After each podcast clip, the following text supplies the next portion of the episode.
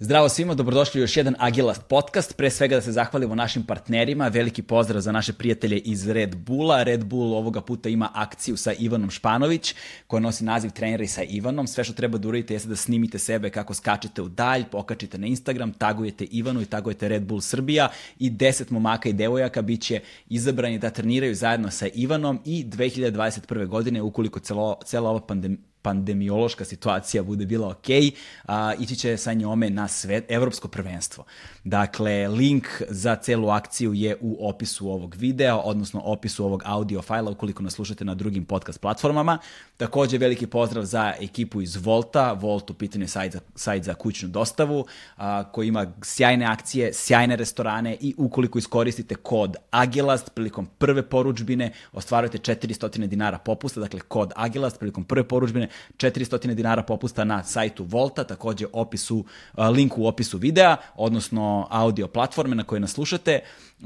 Takođe možete da podržite naš kanal jednokratnim uplatama preko Paypala, možete da nas podržite mesečnim pretplatama preko Patreona, možete da nas slušate na Spotifyu, možete da nas slušate na Deezeru i na drugim audio platformama kao što su Apple Podcast i Google Podcast.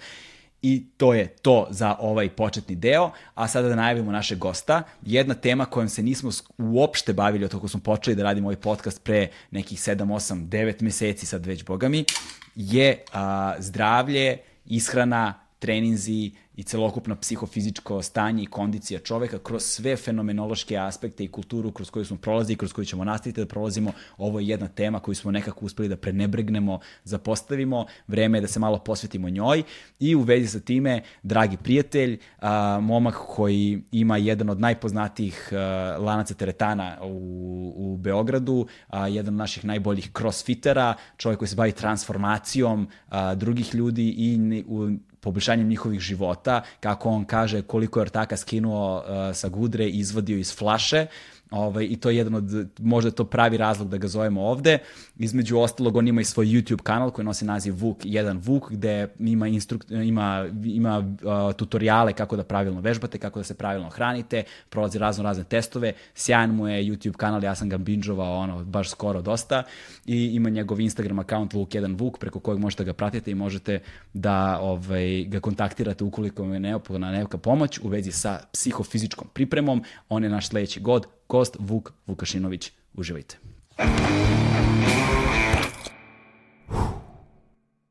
Hmm.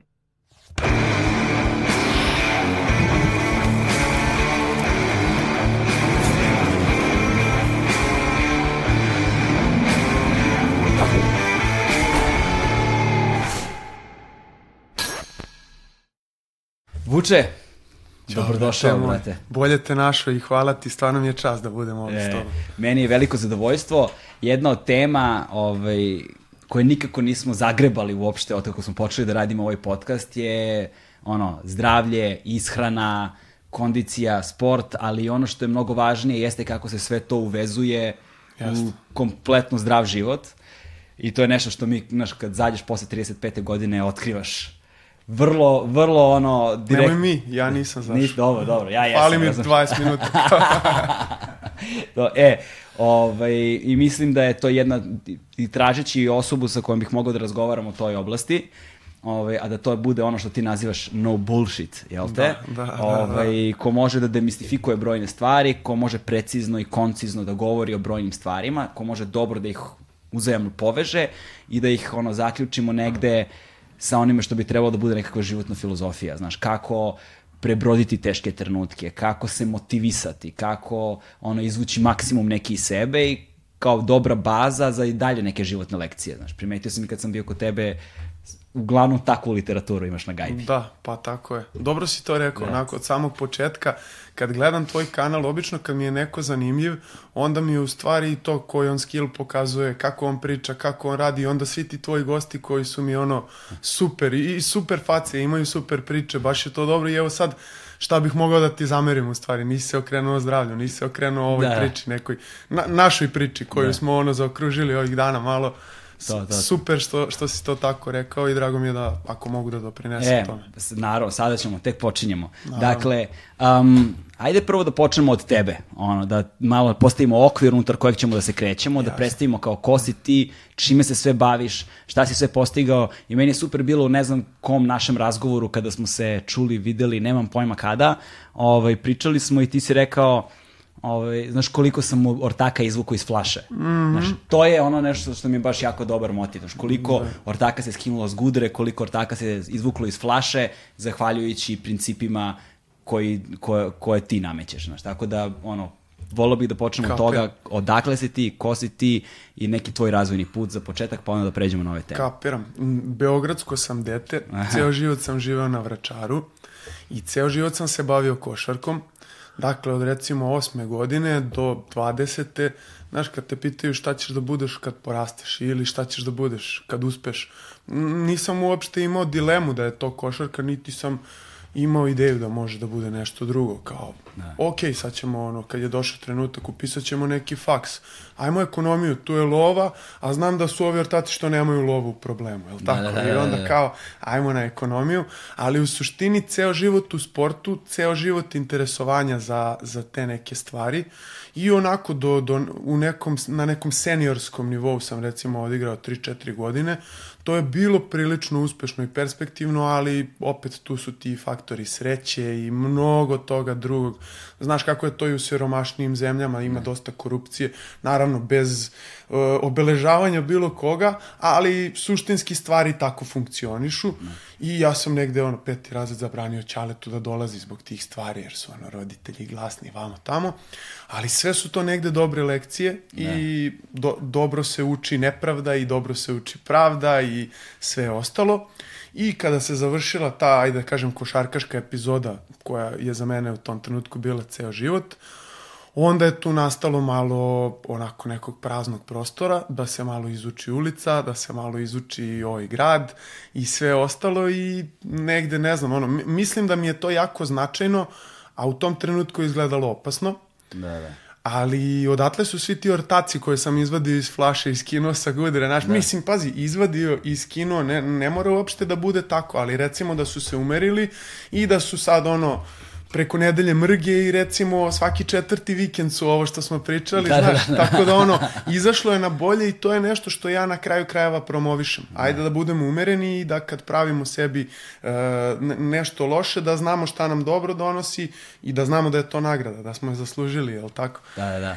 I u suštini od tog trenutka kada, kada je, je li prestala košarka, znači ima jedno deseta godina praznog prostora, dosta bleje, dosta istraživanja života, i onda se ta priča nastavlja u teretani, gde sam prvo malo onako pohađao stvari. E, mo, moj kum je otvorio teretanu, ja sam bio odmah tu uz njega i, i krenuli smo da guramo priču jako. E, bilo je dosta interesovanja za individualne treninge, kasnije ja sam tako krenuo i onda se pojavljaju crossfit Da. To je nešto na internetu, neki ortaci preskaču vijaču, trče, čučnjeve rade, dižu tegove, skaču na kocke. Tad je bilo i onih atraktivnih stvari koje ja sad ne furam, kao naš prevrtanje gume, pa uzmeš malj, pa lemaš gumu. Da, da. To su neki dobri momenti za kondiciju, za drill, ali ajde, na sve to sam se ja napalio, krenuo u tom fazonu da treniram. Postao mi Jim mali, našo, jednom kreneš da lupaš, da praviš buku, da ono ono, ono što se ti malo pre rekao, vidi ga ovaj, znaš, da, da, ono, da, da, da. totalno si vidi ga ovaj od početka do kraja. I, I onda sam u jednom trenutku provalio, da, ovo je to što ja želim da radim, još je bila neka globalna kampanja za to od strane Riboka, koji je generalni sponsor svega toga. Kada je to bilo? To je 2012. 2013. Mm -hmm. I na šta onako ja prilično, pošto tu sad ono da naučiš neke komplikovanije gimnastičke, weightlifting elemente i sve ostalo da ojačaš čučanj, bench, mrtvo dizanje, vamo, tamo, to, to su sve neke osnovne stvari, ali iz, ajde da kažem, različitih podoblasti fizičke pripreme i sad ti sve to duriš, ti moraš malo da, da zastraniš u nekom trenutku da bi mogao to da primjenjuješ na drugima. Uh, I kao, to je to, tražim prostor, ja ovo mogu da radim, imam ga, brate. još ono, ja sa, sa jeli, pomenutim kumom i ostalima trenirali smo u jednoj sali gde su bili samo ono najtalentovaniji sportisti, košarkaši, futbaleri, teniseri pogotovo, svi ovi za koje znamo sada. I to, ja sam negde to zamišljao tako, ali kao da bude veće, da obuhvata više stvari, da bude naprednije, jeli, to je sledeća generacija, jel tako, te da. priče. I pravo ti kažem onda ono, ko kroz san, tražio sam prostor dve godine, našao ga i, i ono, svi kao, čekaj, brate, ti ćeš sad da otvoriš teretanu bez sprava, e, sa kafićem do pola i kao tu neko sedenje, brate, gde si ti to video, jesi ti normalan? Da, da. Ajmo kupimo sprave da rokaš ovo. Rekao, brate, ne, ne, ne, ne, čuti, čuti, čuti, znaš, idemo, idemo dalje, ono, ne, ne čujem ništa, idemo dalje, idemo dalje, idemo dalje i došlo je do nečega što je sad, ajde da kažemo, standard, ono, u, u takvim nekim džimovima, uz to funkcionalni trening je mnogo napredovao, ne, ne moramo da se držimo crossfita, da. napredovalo i samo dizanje tegova, weightlifting, napredovalo i sve ostalo, i svest o sportu, da kao možeš samostalno da treniraš ovde ili onde, ne moraš da ideš samo u teretanu na sprave, nego kao postoje razni vidovi treninga i negde, eto, to, to ti je ta priča do dana današnjeg i od dana današnjeg to ide sada na ono, da. pravi se skalamerija jedna. Za, I ti si zapravo u tom trenutku kada govoriš o tom džimu koji ste otvorili, to je bio taj prvi tim čuveni. Je to to e, bilo ili... E, što, što se kuma tiče, da. to je Chile. I da, to da, je Pro Gym. Da, da, to je Pro Gym, da. Da, što se mog džima tiče, tog za kog sam tražio prostor dve godine, da, to je prvi tim i da. evo, sad, posle šest godina ide i drugi. Da, e, to je, da, da pomenju, pome, povezat ćemo sve te stvari. Naravno, naravno. A, s, s time da, s time da a, ti takođe si umeđu vremenu, verovatno sad u periodu korone, koliko sam primetio, tako, mm, ovaj, otvorio mm. si svoj YouTube kanal. Da. Znaš, tako sam, tako si mi zapravo i pao na pamet, jer si počeo da je, je proizvodiš zapravo vide veoma visokog kvaliteta koji, kojima si, kojima si ovaj, promovisao tu no bullshit filozofiju gde si demistifikovao brojne stvari i ono što je gotivno jeste na što si na ličnom primjeru pokazuješ sve te vežbe, sve te ono, funkcionalne treninge, mm. pa onda prolazi, prolazio si, sad si prolazio skoro i kroz obuku ovih marinaca, testove za marince. Da, ima tako? dva neka testa, ima za, za Army Combat test i ima taj Navy SEAL test, da, da. Da, i oni, a pazi, znaš, to, je, najveći problem sa takvim, takvom vrstom ono, YouTube kanala i videa generalno jeste što kada se prikazuju te funkcionalne vežbe, ona svaka pona osob za sebe ne deluje preterano komplikovano, ne, ne deluje preterano teško, znaš, kad vidiš nekoga da diže, ne znam, 300 kila mrtvo, to kao vidiš na snimku da je teško, znaš, da, da, znaš, ali da. kada radi ono, kako se zove ono, kad suvate za šipku pa dižeš kolena samo. Da, da, da, a dobro, znaš, nije ni znaš, to kad, toliko kad, lako. Znam da nije, ali kada gledaš, ne deluje teško. Da, upravo si, upravo Znaš, kao gledam ceo da. test za Marinca i u fazonu sam, kao ovo nije nešto... To je onaj, to je, to je onaj combat test za koji sam i ja bio u fazonu, ajde raznovrsno je, imaš i nešto teško da podigneš, ono mrtvo dizanje 155 kila, da. vamo to, mislim, nije to mnogo teško, ali znaš, imaš taj gimnastički element koji je isto dobar, sad ono, za najbolju ocenu da uradiš 20 tih zgibova koji su u suštini i dizanje kolena, to uopšte nije toliko jednostavno, pazi, za nekog običnog čoveka, mi sad pričamo o nekim potencijalnim vojnicima koji mogu da imaju 55-60 godina, ali tako? Da, ne, da. nisu samo ljudi naših godina u toj priči, tako da je meni to super test i onako sa svih strana te pomalo challenge-uje, a mislim ono što ljudi treba da shvate u svemu tome, nisam se ja kvalifikovao da budem vojnik, da, da. nego sam samo uradio taj preliminarni test da mogu da uđem u mučenje, da mogu da me ostave tri dana bez hrane i da ja ono, razlupam sve i odek. Da.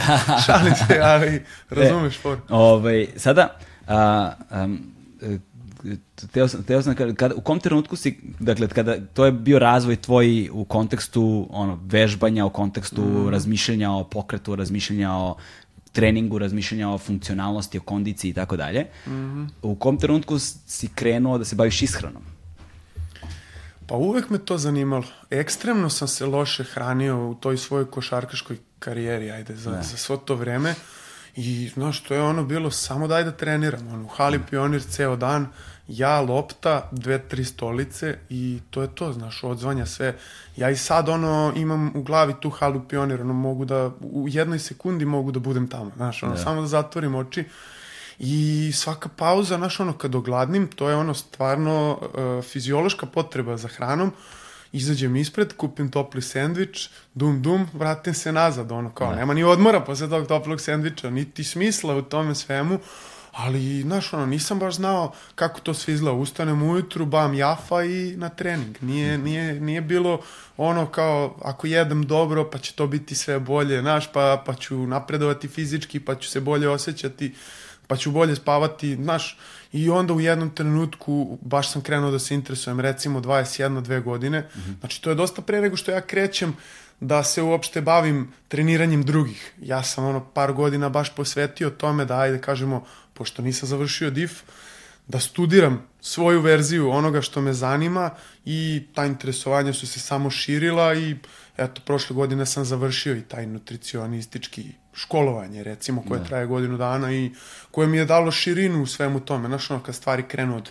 ćelije da. i, i, i kad krenu od nekih najjednostavnijih substanci i dođu do toga kao kakve su naše navike svakodnevne. Da. I ovaj, u kom trenutku ti počinješ da spajaš zapravo ta dva i da ih i da, i da ih demistifikuješ kroz svoj, svoju tu no bullshit filozofiju? Pa ako, ako misliš na YouTube, to, to traje prethodnih šest meseci. Mm -hmm prilično dobro napreduje. Mislim, ja, ja bih bio zadovoljan i da to ide mnogo sporije, jer ja da. kad sam krenuo sa tom pričom, rekao sam sad ću ja da radim nešto što niko ovde ne radi, niti ljudi još uvijek imaju te navike. Paralela sa zapadnim ili severnim zemljama, tamo se svako bavi sportom, tamo je svaka druga radnja u prometnim ulicama, neka radnja za hiking ili za neku opremu sportsku. Tamo je najnormalnije da odeš do grada i vratiš s nekom ozbiljnom opremom, nekim bučicama, nečim za, ne. za trening onako ozbiljnijim. Tako da ono, ja, ja sam mislio da će to u stvari za dve, tri godine da bude super, ali dobro je da napredujem nekim tempom. Ispostavilo se da to ide mnogo brže. Da. Malo sam i proučavao YouTube kao platformu, ajde, neću da se foliram da sam radio kao samo ono što mi je padalo napad. Kao odjedno sam uzeo da snimam nešto što veze nema s platformom. Nije da, tako. Da. Da. Ali to ide jako dobro i mislim da sad ima dobru perspektivu, znaš, i da, da prosto će to omogućiti uticaj na dosta ljudi, jer na kraju krajeva to je i poenta, znaš, ono, ja imam lokalni biznis, evo sada dva, i to ti je mogućih 500, 600, 1000 ljudi, nebitno.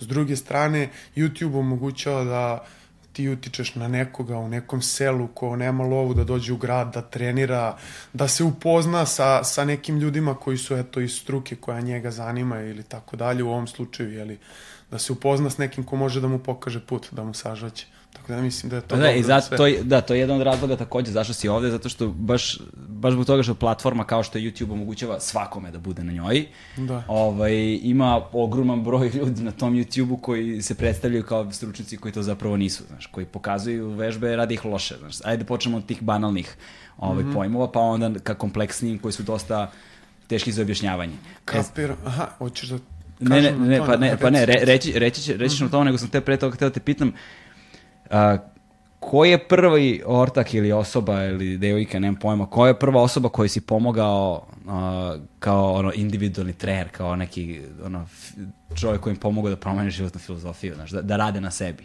da, da, da ojačaju svoj karakter?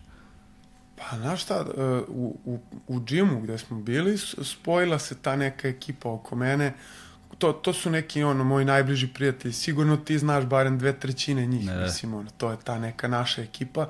To je ono prva ekipa koja je barem delimično uh, na neki način izvađene iz flaše i svega da, da. ostalog, jeli? I, i, I to su ono najbliže ljudi koji su bukvalno u tom trenutku kad sam ja bio u naletu kao idemo zdravo, treniramo, učim po ceo dan, stalno nešto čitam, naš, da. odem na Adu Bojanu na, na 20 dana, odštampao sam sebi ovoliku skriptu, uh, sve što je CrossFit žurnal tada nudio, a to je brdo članaka i svega ostalog, ja sam to odštampao i kao marker i udare, ono, svaki dan 3-4 čuke i, naš, ono, cela ta energija oko mene, od najbližih do malo daljih, do malo daljih, svi su bili u fazonu, daj meni malo, brate, ovo mi je, ovo mi je najjače, naš, da. kao, a, a nije ona priča otišao u klonju sa žurke, nego je, brate, da. ovo, realna priča preko dana. ali radi, kao, e, da, radi ga, vidi sad, se. Da. Tu, tu se odvaraju dve, dve prirodne, ono, dve prirodne teme. Jedna je da pomenemo malo o crossfitu i kao da, da, da, da da adresiramo sve stvari pro i kontra ono crossfita kao mm -hmm, za i mhm, protiv mm -hmm, crossfita može. i sve ono što ono kruži oko priča za crossfit, znači od njegove nefunkcionalnosti preko opasnosti za povredu do ono toga, znaš, da je ne znam na kraju pri, do, do, sek, do sektašenja, razumeš, u okviru da, crossfit, da, da, ono da. zajednica. A, a, s druge, a s druge strane, ovaj, koliko je sad u tom kontrastu u odnosu na tvoj napredak u tog trenutka, koliko je teško bilo znaš, kad dođe neko ko ima izuzetno loše životne navike, i sad ovo je nešto što mislim da je važno za ljudi koji slušaju i gledaju, znaš, neko ko ima izuzetno loše životne navike, ono, u ponašanju, u ishrani, u, ono, spavanju, u stres, ko, ko, ko ima ono život koji je ispunjen stresom, koji je ispunjen ne znam čime sve i to se naravno odražava na ono psihofizičku stanje čoveka.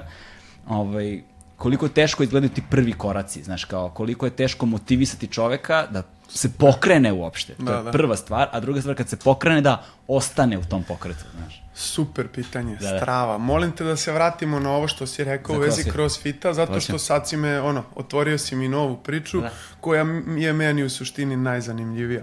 Kako, kako ja doživljavam, ajde, celu tu priču sad posle recimo 10 godina, uh, E, mi živimo u jednom svetu punom ekstrema, znaš, mm. i živimo u jednom dobu kada svi žele sve instant. Mm. Znaš, ako ti nešto moraš da radiš recimo par meseci ili ne znam, sve zavisi, ajde relativno koja je, koji ti je cilj u pitanju, par dana, par meseci, to, tebi to izgleda mnogo dugačko i ono, daj ti meni neku tabletu da ja zabodem i da ja postanem to već sada, Znaš, da li je to ono, hoću da naučim italijanski jezik, znaš, ne. ono, i sad kao, bam, tableta, žabarski džokatore balerini, znaš, ono, odmah, odmah mu ga daješ po žabarskom, svi to hoće i zato je u stvari internet pun tih nekih, uh, ajde da kažem quick fixeva, znaš ono, trbušnjaci za 7 dana ili smršaj za 20 dana 50 kila ili ovako ili onako i internet je pun tih e, programa ishrane, e, trendova ishrane, pričat ćemo i o njima, mm -hmm. dogovorili smo se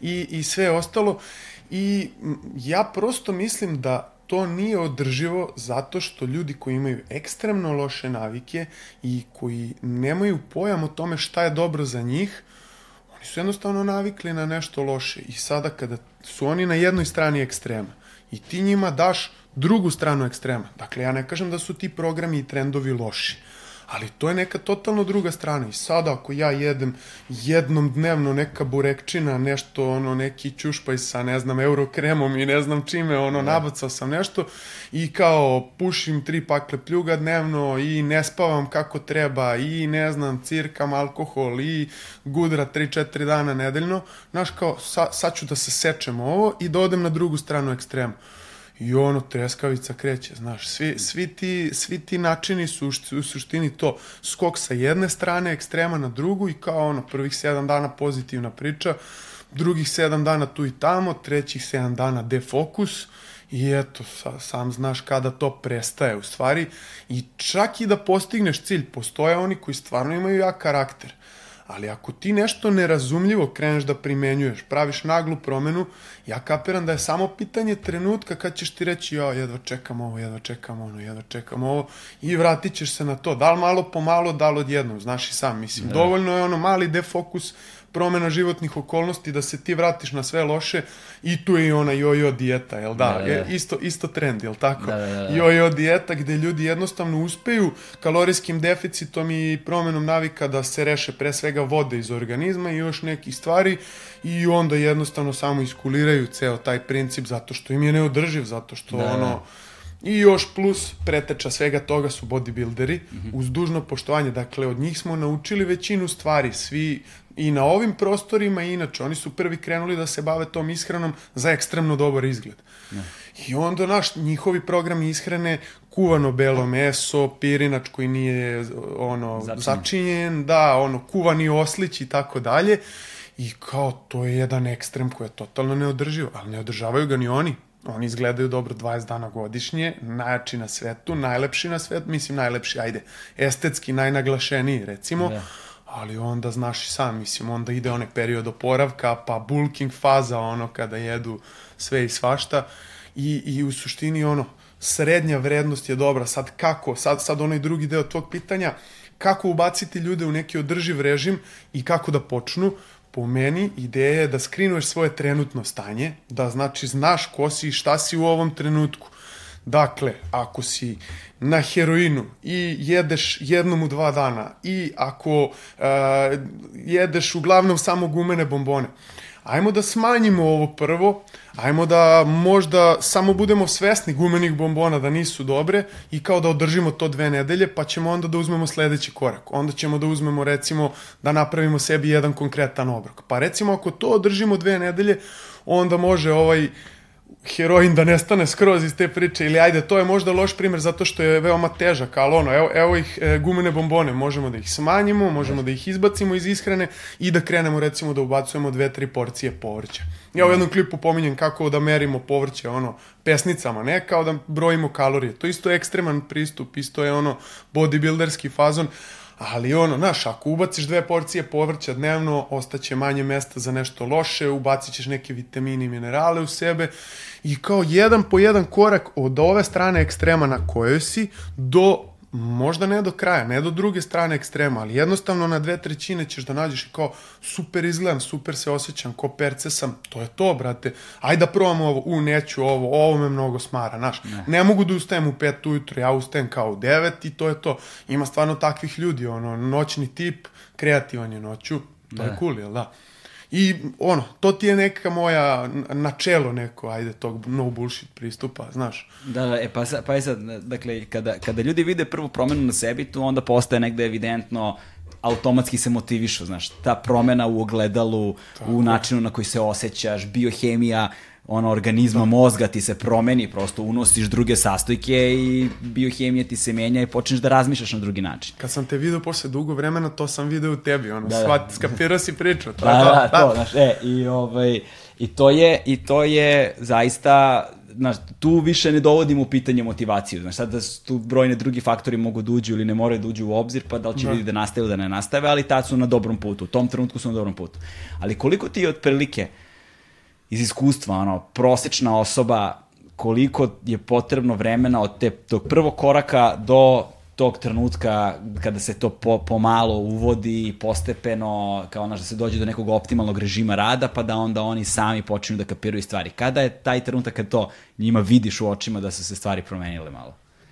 E, pa u stvari kada, kada provalim da su svesni e, svojih loših navika i, ajde da kažem, obima njihovog prisustva u životu, znaš, jer mi imamo razne loše navike, ono, ustaneš pa si odmah na telefonu, pa odmah nisi ni ustao, odmah si seo, pa precvikaš donji deo leđa, znaš, a činjenica da je telo napravljeno da se kreće, onda mnogo je bolje da uđeš u dan takav. Pa onda sve te neke sitne navike na početku koje su dobre za tebe, koje će da zamene ove loše, u stvari kada ti vidiš da kreću da preovladavaju ove dobre, i da se ljudi lože na to, mislim da je to taj trenutak. I u da. stvari taj početak, ajde ne možda prvih dve, tri nedelje, ali taj početak posle toga, on u stvari može da bude najlepši deo. Ukoliko neko provali da jednostavno sa jedne strane ekstrema, kako koju stvar menja, sitnu stvar koja će na kraju ono biti dugačak put i kako to kapira, tako ti vidiš da, da je on u stvari prezupčio to da. i u stvari to je i najlepši deo svega. Zato što, znaš, ono, kako koju naviku uvodiš, osetiš benefite. Nisi otišao odmah u drugi ekstrem i ono, stiso se zato što ne možeš to da održiš. Nego jednostavno mali korak po mali korak osetiš benefit, ja što mi je dobro i ono, naravno, self-motivation samo ideš i pričaš svima ja što mi je dobro. Znaš. To, je onaj, to je onaj sektaški deo, jel tako? Znaš, ono, mo, moraš da ideš malo da bodriš sebe na početku. Ono, ako, ako priču prodaš sebi, onda ćeš je lakše prodati i drugima. Ja, ja sam taj ortak, znaš, ono, da, da, da. ja kad nešto prodam sebi, ono, znaš, mogu da ti dođem i samo, koji si ti debil, znaš. Da. mogu da daj šansu. Da, slušao sam neki dobar NPR podcast koji je govorio o efektu plasiba, znaš, kako da. i zašto je plasibo zapravo zvanična medicina, znaš. I onda su, na primjeru, recimo, a, govoreći o placebo efektu, a, svi mi znamo otprilike šta je placebo, znači na po kom principu placebo funkcioniše, mm -hmm. ali onda su oni re, po, pomerili su priču o placebu sa tog osnovnog ono kolokvijalnog znanja na jedno vrlo konkretno. Da su rekli kako postoje zapravo hirurški zahvati, ima po, baš konkretno ima jedna hiruška intervencija, mhm. zaboravio mm -hmm. sam kako se zove na kolenu, ovaj, za, uh, za koju je rađena studija gde su radili intervenciju uh, gde su radili intervenciju na ljudima tako što su imali tri grupe, imali su jednu kontrolnu grupu koju su samo ono anestezirali kao totalnu anesteziju, pošto se tako radi, i imitirali su od pokreta do pokreta. Znači, e, doktori su ležali, nisu otvarali ništa, nego su gledali film i paralelno sa njime u dužini trajanja i tako dalje, sve radili da mogu posle kao snimak da pokažu kao da su radili operaciju, pošto se da, sve da, u Americi stare da. sve operacije snimaju, ali zapravo ništa nisu radili. Samo su napravili rez na koji su koji su onda zašili da izgleda kao da su stvarno radili mm. operaciju. Onda su imali a, drugu grupu a, kojoj su, ne znam, radili baš tu kao operaciju, imali su treću grupu koju su, ne znam, samo ispirali nekom, ono, fiziološkim rastvorom ili ne znam, nija, mm -hmm. tako nešto i posmatrali su peri, proces oporavka kroz nedelja na konferaciji, ispostavilo su se sve tri kontrolne grupe ono, sjajno osjećali, više nisu imali bol taj u koleno koje je. Gde se onda pokazalo da zapravo ta operacija je čist placebo. Da, Znaš, da, kao, da. na primer, recimo tako u tim ekstremnim uslovima, baš ću pronađem možda tu epizodu pa mogu da linkujem ljudima da poslušaju da vide o čemu se radi, ali osnovni princip zašto to govorim, celokupno tog placeba i zašto su se dok, doktori to, iako ništa nisu radili, ponašali tako, jeste da što je prvi uslov za placebo je da ti veruješ da. u ono što prodaješ. Naravno. To je, znači, ako doktor koji daje svom pacijentu, recimo placebo lek u bočici ili šta god, on mora da budu verljiv. I to je ceo taj, ceo taj manir kad ti uđeš u ordinaciju, pa kako se tebe tretiraju u ordinaciji, pa kakav da, doktor da, ima da, odnos da, prema tebi, tebi to već uliva neko poverenje, znaš. Yes. I onda ima proces i kako se korak po korak oni grade i u trenutku kad ti on da lek, ti si već pola izlečen. znaš, to je... Što? To je, da, da, da, jest. To je fan, tako da moraš i ti da veruješ u filozofiju koju propagiraš. Naravno, znaš, moraš da budeš sam... Slučaju Moraš da budeš sam predstavnik sobstvene filozofije. Baš tako, baš Znaš, tako. E, a s drugi, e, sad da se vratimo onda korak unazad, kad, si, kad smo već pomenjali to, daj da, daj da sigurno se da ljude to zanima, ovaj, da malo demistifikujemo te priče o crossfitu. E, znači, koje su, koji su najveći uh, mitovi u vezi sa crossfitom uh, i demistifikuj ih? Ono?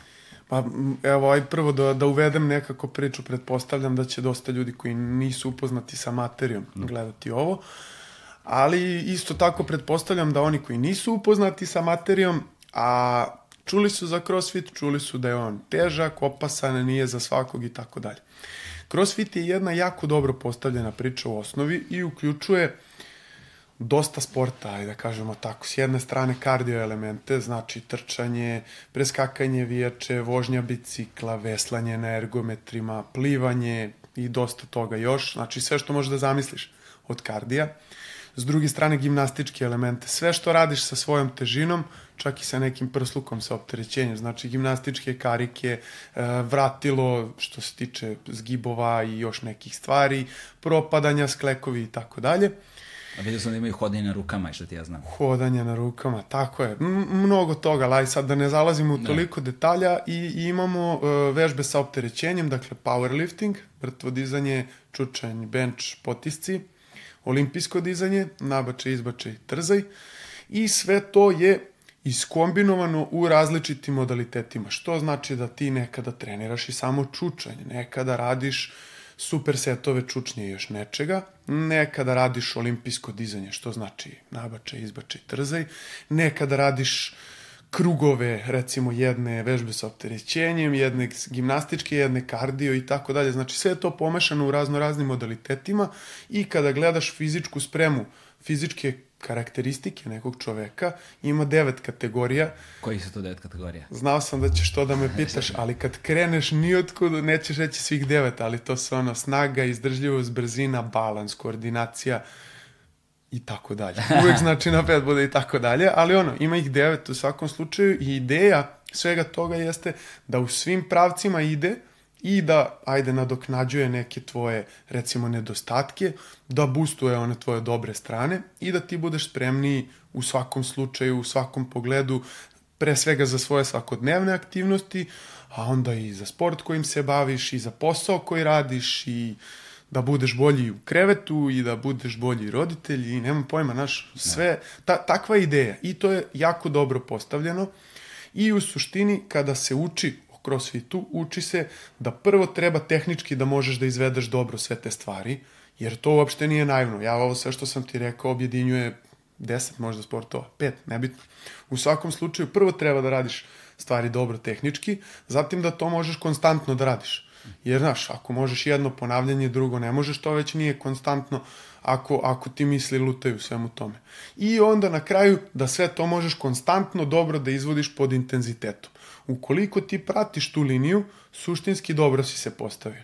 Ali u praksi pogotovo, evo na, na našem Balkanu imaš dosta ljudi koji ono imaju naglašen ego i to je prirodno malo za nas. Mi smo malo, jel tako, Ma, malo smo ono, više ego priča, naravno ništa loše, mi, mi smo jednostavno takvi, ono, i svaka, svako podneblje ima svoje karakteristike i onda ti dođeš na trening, šta ma ja mogu da počupam, a ja sam jak bio u teretani, ono, radio bench 120 kilo i ono, bam, trzaj, bam, rame, znaš. Da, da. To, to je prva ono negativna strana što ljudi opet žele ekstremne rezultate, a ne da prate proces.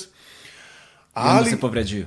Baš tako. Zato se priča da su česte povrede i da je teško. Ali onda ima ona druga strana ko te tome svemu uči. Ne. Da bi bio crossfit trener, moraš da završiš dvodnevni seminar i da odgovoriš na 50 pitanja multi-choice. I to je preduslov da ti budeš trener crossfita. Onda da bi otvorio crossfit box, baš crossfit, da uđeš na crossfit svetsku mapu, treba da daš 3 soma dolara firmi američkoj koja se zove crossfit. Da, da. I onda ti otvoriš taj gym, ti, znači ti ti, brate. Da. Ti si završio to, otvorio si gym, jel tako? Znači imaš četiri soma. Soma je školovanje i tri soma ovo. I ti krećeš. I sad, naš, ljudi krenu da dolaze zbog tog crossfita, iako marketing kod nas nije jak, u Americi je baš jak. Da. I ono, uopšte na zapadu i to baš je jak, zato što ima dosta džimova, dosta puta po tri soma godišnje i oni to zavrte plus eventovi, plus sve ostalo, sponzori i tako dalje. I onda prosto veliki broj ljudi biva uključen I onda se događaju te stvari. Da neki likovi koji žele da postanu treneri, instruktori, oni završe taj dvodnevni seminar, malo se bavili sportom i kreću da bacaju ljude u intenzitet onako nerealno. Da. Što se trenerskih skillova tiče, tu ti je najvažnije prvo da vidiš da neko radi ili ne radi dobro, da imaš dovoljno mozga da mu dobro to namestiš, da mu dobro skreneš pažnju na stvari, da odvojiš važno od nevažnog. Jer, znaš, ono što se teretane tiče, kao ako imaš neku spravu koju razlačiš, prilično jednostavno kako ćeš to raditi. To je ono jed, jednozglobni potezi. No. Da. Ali ukoliko radiš čučanj, moraš da otvoriš kukove, da otvoriš kolena, e, da stisneš stomak, da podigneš grudi, da uradiš ovo, da uradiš ono i tu nastaju greške. Da. I onda jednostavno kroz vreme radeći ne kako treba, ne koristeći prave mišiće da rade određene pokrete, nego oslanjajući, oslanjajući se na meka tkiva, dolazi lagano do povreda, plus ovo što sam ti rekao, ako svako može da bude trener, onda naš ispiše taj trening po sebi, želi da pokaže ljudima koliko je zajeban, naš koliko je on sad mnogo spreman mrga. Imaš takvih trenera dosta, nažalost, ali i to je verovatno neki prirodan proces, verovatno ko evaluira ono, do nekog višeg nivoa ne radi više to ali to bacanje ljudi u preterani intenzitet, prvo što im stvori averziju, drugo što ih povredi, treće što se uopšte ne osjećaju dobro i odatle dolazi dosta predrasuda u vezi crossfita. Znaš. Da. E, sad, dobrih strana... Ne, ne, sad, ima tu još predrasuda, polako. Aha. Recimo, a, hajde da pomenemo jednu od najpoznatijih, a to su ovi zgibovi a, u crossfitu, ovi, kako se zovu, leptir ili kako je, ne, ba, butterfly. Da, butterfly ili keeping zgibovi i skoro sam snimio klip o tome mm. zato što mi mnogi pišu o tome da, da kao, naš, kao kad radimo zgibove, mi ono, ne radimo pravilno, džidamo vamo tamo, ali u stvari šta je fora? Crossfit e, ima i crossfit je u suštini dosta merljiv i imaš crossfit takmičenja i crossfit negde dosta potencira radni kapacitet u jedinici vremena. Mm -hmm. Što znači da ti ukoliko, na primjer, imaš jedinicu vremena od 15 minuta i radiš neke krugove od 15 gibova i 20 čučnjeva, sva je prilika da ćeš drugih sedam, recimo posljednjih sedam minuta provesti ono na kolenima, ono kao bleješ, nije ti dobro zato što te peče sve. S druge strane, mi, mislim zašto je to, izvini, zato što ako radiš striktne zgibove, ti ćeš bukvalno koristiti samo latove, oni će da se prepale u jednom trenutku, nećeš moći više da radiš. Da. I ti onda nisi dao svoj maksimalni rad u jedinici vremena. S druge strane, ako koristiš kor, ako koristiš još neke mišiće da bi radio te zgibove, to će jednostavno dati veći power output. Aha. što nikako ne isključuje striktnu verziju zgibova. Dakle, to, ne. to uopšte nema veze jedno s drugim. Mislim, ima veze jedno s drugim, ali nije zamena jedno za drugo. Da, da, da. Ja veći deo godine, na primjer, pošto sam savladao taj skill keeping zgibova koji su najčešće na takmičenjima i tako dalje, ja radim striktne zgibove, znaš, i njih smatram nečim što će da ojača taj moj pokret. Mm -hmm. A onda tu ubacim malo kora, jer se kao cimaš, da, da. ajde recimo, džidaš, znaš, da. ono, onda ubaciš malo kora, naučiš dobro da džidaš i onda da. to je to. Jesi išao na takmičenje? Propisima. Jesam. Nisam preterivao, kod nas u regionu nije toga bilo mnogo, ali recimo nekakvih desetak, 15 takmičenja, ono, uglavnom po Hrvatskoj i par njih je stvarno bilo veličanstveno, ono, što u Zagrebu, što u, u, u Umagu je jedno takmičenje bilo koje ću pamtiti zaovek na onom ATP stadionu mm. i onda ispred ono plivanje u moru. Zamisli sad ono 50 najnagruvanijih ortaka stoje ovako u plićaku, kupaće i, i, i ćore i ono kao treba da se obiđe oko bova i da se vrati ko će pre. Da, da. Zamisli to, ono, koji trenutak, ono, 3, 2, 1, Znaš, ovaj fazon, ono, da. i krećeš. Na badanje, brate, da, laktanje. Na badanje, pa ne, ono, peta usta je glavna fora, brate. Da. Ne, ne znaš niti čija je, niti možeš da se ljutiš, ono, da, da. pravi onaj trenutak bez kontrole, brate. Da, da, da. znaš, da, da što više opišemo rečima za ljude koji slušaju, znaš, pošto imamo kao samo audio platforme takođe. Jasno, Ove, nego, jasno. Šta se ti kažem, a, e sada, a, pomenuo si te treninge od 15-20 minuta, to je još, mm -hmm. jedna, još jedna vrlo važna kategorija za naš razgovor. Mm -hmm. Ljudi danas žive, ono, prekarijat, znaš, kao prekarno radno vreme. Ljudi su zauzeti od jutra do mraka, znaš, ono, skalapaju sky s krajem, još ako imaju porodicu, decu, mm. znaš, plus neke dodatne obaveze, neko radi po dva, tri posla, ok, znaš, ali, ali mm. ukoliko živi neki dovoljno privilegovan život da može da izdvoji ono vreme psihofizički, prosto govorim, ne samo vreme, vreme, nego da si ono, dovoljno odmoran i spreman da odeš na neki trening, redko kad ljudi mogu da izdvoje više od ono 45 minuta sat vremena maksimum za, neki, za nekakav trening, znaš. Ovaj, da li zaista ti uh, high intensity hit treninzi, jel te, ovaj, crossfita od 15-20 minuta imaju zaista dugoročni pravi efekat ono, na, na, na ljudsko telo? To što sam rekao 15 minuta u suštini se odnosi na 15 minuta glavnog dela treninga, Aha, da. intervalnog, da. intenzivnog, ali ono, ka, kako, kako to ide po meni, po mojoj školi. Prvi deo treninga rade se neke aktivacije, mi imamo dosta mišića koji su nam neaktivni ili razvučeni ili zalepljeni za neki drugi mišić, dakle ako sedimo ovako, sva je prilika da će ti mišići oko lopatica da rade lošije. Naše telo je jako prilagodljivo. Ne znam da li si gledao one paraolimpijske igre, na da, primjer, da, kada imaš ne. nekog bez desne ruke i leve noge, ne. sad on je evoluirao u neki totalno ne skladan, ali ono funkcionalan organizam koji se takmiči i u plivanju recimo na, na 500 metara ili ne znam da, koliko. Znači mi evoluiramo. I isto tako ako dosta provodiš sa telefonom, dosta sediš, ti evoluiraš u to. I onda, znaš, dru, s druge strane na tom zadnjem lancu, je li zadnjica, e, zadnja loža, donja leđa, to se sve razvuče, dođe u lošu poziciju i mi se trudimo u prvom delu treninga u svakom slučaju, bez obzira koji je nivo vežbanja, koja je grupa, da aktiviramo te neaktivne mišiće, da ih prokrvimo, da, što se kaže, aktiviramo što više njihovih motor, motornih jedinica. Da. Jer onda kako ti aktiviraš te mišiće, oni se malo razbude, krenu da vrše svoju funkciju i to, to se radi, na primjer, nekim sitnim vežbama, ne nešto pretrano opterećenja, e, razno raznim razlačenjima guma, izdržaj, plenkovi, tako dalje. I onda kad ti to razbudiš, ti si spreman za te neke glavne pokrete i spreman si da praviš kontrakciju mišićima, a ne da budeš u nekoj kompenzaciji koju ćeš raditi preko mekih tkiva ili nekim mišićima koji ti ne Šta rade. Šta znači preko me mekih tkiva? E, pa konkretno tetivi ligamenti dosta Aha. stradaju e, kada ne radiš pokret kako treba. Da. Reda veličina, eto, poređenje. Ukoliko ti sve radi kako treba i prednje rame ti dobro funkcioniš, izvinjavam se onima koji sad slušaju ovo, a ne da, gledaju, da. Ako želiš da digneš ruku ispred sebe, znači da predručiš bukvalno, ali ti je prednje rame povređeno, verovatno je da će tvoje telo da evaluira u ovo. Da, da. Znaš, i ti ćeš ono kao, kao revolver da vadiš, ono da cimaš ruku sa strane i onda da je, da je zadržiš ispred, i to je neki trenutak kada ćeš ti verovatno polako krenuti da štetiš svom ramenom zglobu koji je inače nije klasičan zglob, nego jednostavno ima mišiće, meka tkiva oko kosti, znači nije kao bolin soket, što se kaže za, za kukove. Da, da, da. E, uh, ok, sada, u kak, sad tu do, dolazimo do onoga što je takozvani funkcionalni trening, i to smo ti ja juče nešto pričali, ja, kad, kad sam ti je pomenuo, mislim ja celog života znam za ono što danas nazivam funkcionalnim treninzima, su to zapravo nekakvi kondicioni treninzi. Mm -hmm. Znači, to su mi sve zvali jednom, jednim nazivom, Da. sve te različite stvari smo mi jednim imenom zvali kondicioni treninzi i šta sad ovi izmišljaju nove stvari. Ali zapravo, funkcionalni trening se vrlo konkretno razlikuje od kondicionog treninga. E, Da, da, da, u potpunosti. Mislim, pazi, šta, šta mi doživljavamo kondicionim treningom? Ono, ono što rade bokseri. Njima je potrebna ekstremna izdržljivost.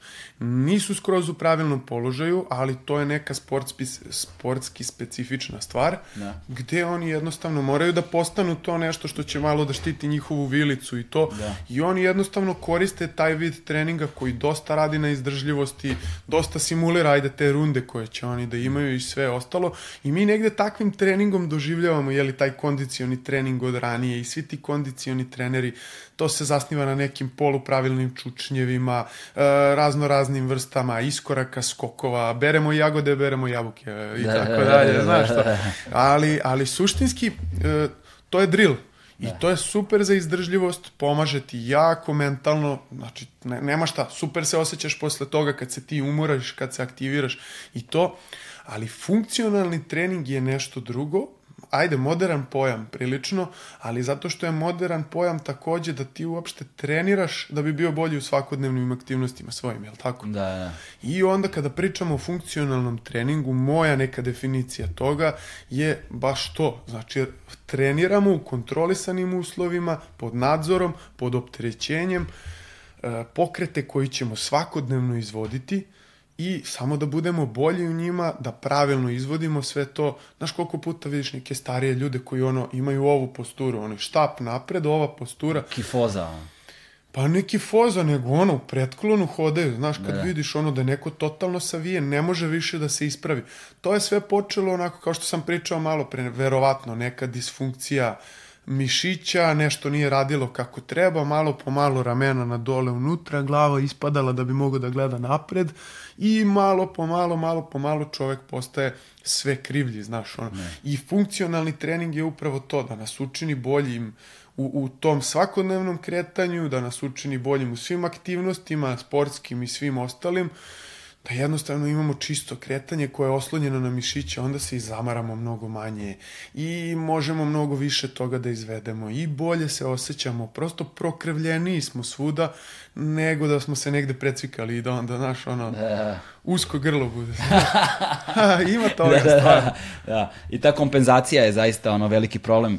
Ljudi to a, ovaj, podcenjuju i ne kapiraju dovoljno i kada si rekao da, se, da je ljudsko biće adaptivno, znaš, dovoljno je samo da pogledamo najekstremnije aspekte ljudskih Da. fizičkih delatnosti i da nam bude jasno, znaš, da imaš ljude koji penju ono, Himalaje na 8000 metara nadmorske visine bez kiseonika, razumeš, s jedne strane, a onda imaš s druge strane ljude koji uh, rone na dah, znaš, preko stotinu metara i trpe ono 11-12 bari pritiska na svoje telo da se srce skupi na veličinu pesnice, ono, znaš, ono, alveole puštaju krv unutra da ne bi ovaj, kolabirali načisto. Znaš, tako da... Dok pričaš sve to, meni je pred očima samo Wim Hof, zato što Da, je da. popeo Himalaja u gaćama, bos, Da. i zato što je plivao ispod leda nešto, ono, dva svetska rekorda, zašto nije mogao da nađe izlaz, ili... Ne, Da, da, da. promašio je izlaz, kao rupa u ledu, promašio je izlaz i onda se kao vratio i kao, nije loše. Da, nije loše, ali nešto, mu, se, da, nešto mu se zaledilo, be, beše, da li nešto oko kapaka, ili ne znam šta je bilo. Znam da je imao, Mhm. imao neki problem sa time i da je, to je, i kod njega, recimo, primer, sad ljudi koji ne znaju o kome govorimo, govorimo o čoveku koji se zove Wim Hof i koji ima taj Wim Hof metode, tehnikama disanja zapravo kontroliše svoje metaboličke funkcije u suštini i svašta još nešto. On je u kontrolisanim uslovima uspeo da eliminiše virus iz svog sistema koji su mu ubrizgali isto u kontrolisanim uslovima. Da. Lego čovjek u bolnicu, upucali mu virus. Da, a pored njega su imali kontrolnu grupu ljudi kojima su Da, ubrizgali da, isto, koji su da, imali svi ono simptome gripa, temperaturu i tako dalje, a on je samo tehnikama disanja uspeo da, on, mislim, to je potpuno neverovatno. Ima, Da. ima i to kako je uspeo da održi kor temperaturu tela u ledu. Da, da, da, da. To je da. taj Pa snimak U ledu, na Himalajima, Da. na razno raznim mestima. Stavili su čoveka u, u, ono, u, u sanduk sa ledom gde je proveo više od dva sata i nije mu pala telesna temperatura. To je kao... Strava. Šta, i ima snimak i kao bili su doktori, sve registrovano i objavljeno u medicinskim žurnalima, tako da nije, nije lažna stvar. Kao. Naravno. Vrlo- Jesi probao njegovu metodu? Nisam, zvali su me neki likovi iz Novog Sada. Znam. De, i, Radili su to, da. Da, imali su seminar jedan, ceo je bio nešto pre... Čak dva, tri. Dva, da, ali to je nešto pre godinu i po, dve i hteo sam da odem, ali nikako nisam uhvatio to prokletno vreme. Da, si ti probao? Uh, pa, pazi ovo, ja se ložim na to vrlo dugo i ja, ja sam negde krenuo od početka. Wim Hof je ranije sve davao za džabe. Da. Zato što on ima tu neku tužnu priču, izgubio da, je da, suprugu, ne znam kako i u jednom trenutku... mislim da je. Da, i u jednom trenutku krenuo je da se bavi svim tim stvarima, napisao knjigu, možda drugu, I to je ono, ajde da kažemo, or, organsko znanje koje je on tu davao. Posle neko uzeo, brendirao ga i sada imaš te kurseve 250 dolara, recimo. Da. Ne, ne znam kakav kurs vamo tamo. Uglavnom, ja sam krenuo od početka sa njim i provalio sve što je on radio. I već jedno, recimo, godinu i po dve radim njegove vežbe disanja i radim tuširanje hladnom vodom svaki dan svako jutro. Malo je ono problem u toku leta, znaš, živimo u ovim zgradama, voda se zagreje do mog četvrtog sprata. Da, da. Ali to, ta, ta vežba disanja, u stvari njegova je jako jednostavna i može da je primeni bilo ko. Sastoji se iz 30 naglih uzdaha, udaha i samo puštanja. Znači, Da. I tu dolazi do uh, primanja nešto više kiseonika nego što mi možemo. Jeli. Kod nas posle, posle 30 komada ispuštaš sve i zadržavaš vazduh. Dakle, na 30 ideš Aha, pustiš da. i držiš.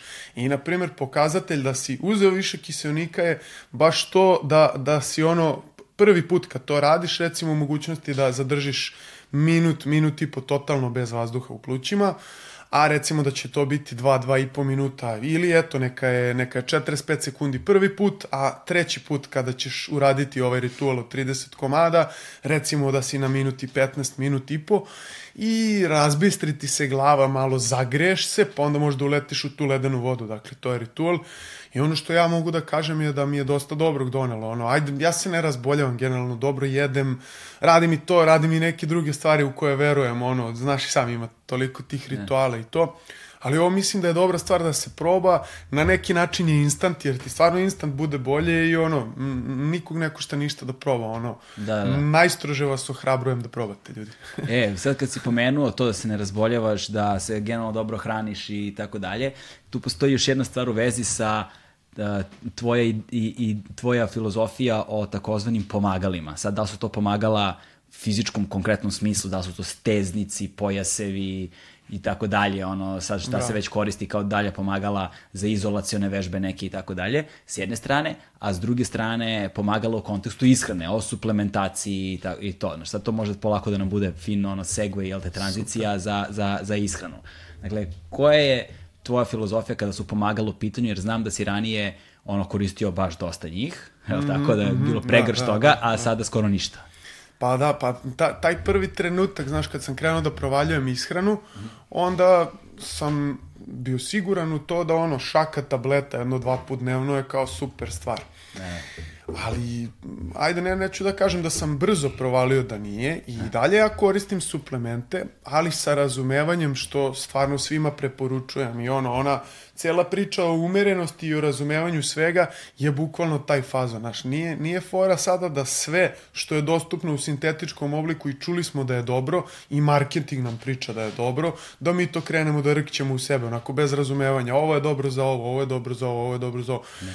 nego jednostavno treba skrinovati sebe i videti čime si u deficitu, pa onda kao to nadoknaditi to možda u jednom periodu, a ne stalno. I postoji nekoliko stvari, možemo da ih spomenemo posta, koje bi bilo ok koristiti stalno, zato što nismo u mogućnosti da ih unesemo dovoljno, a trebaju nam. Ali kako ja doživljavam, e, čovek je jedan savršen organizam, jedan savršen sistem. I sve kod nas radi u sistemima. I onda ako ti uzimaš mnogo izolovanih substanci, naše telo mnogo manje mogućnosti ima da to razume na dobar način u odnosu na to ako mu to daš u sistemu.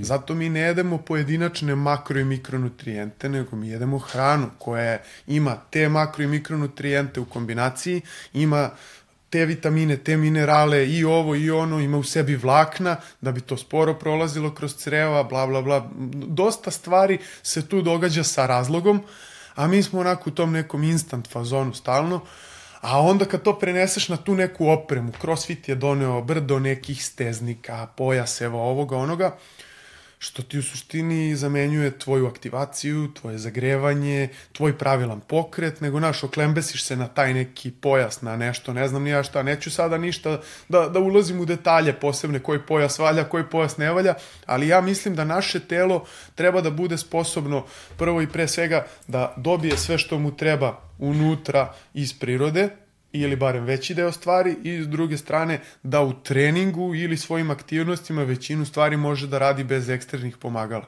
Tako da ono, prvo radite sve vežbe boss sa razumevanjem, nauči se pravilnom pokretu bez ega, a tek onda kao idi opterećuj se, probaj ovo, probaj ono, naš. Sećaš se iz Ninja Kornjača elektronski modulator. Meni je elektronski modulator naziv za sve, brate, što je to ono supersonično. elektronski modulator.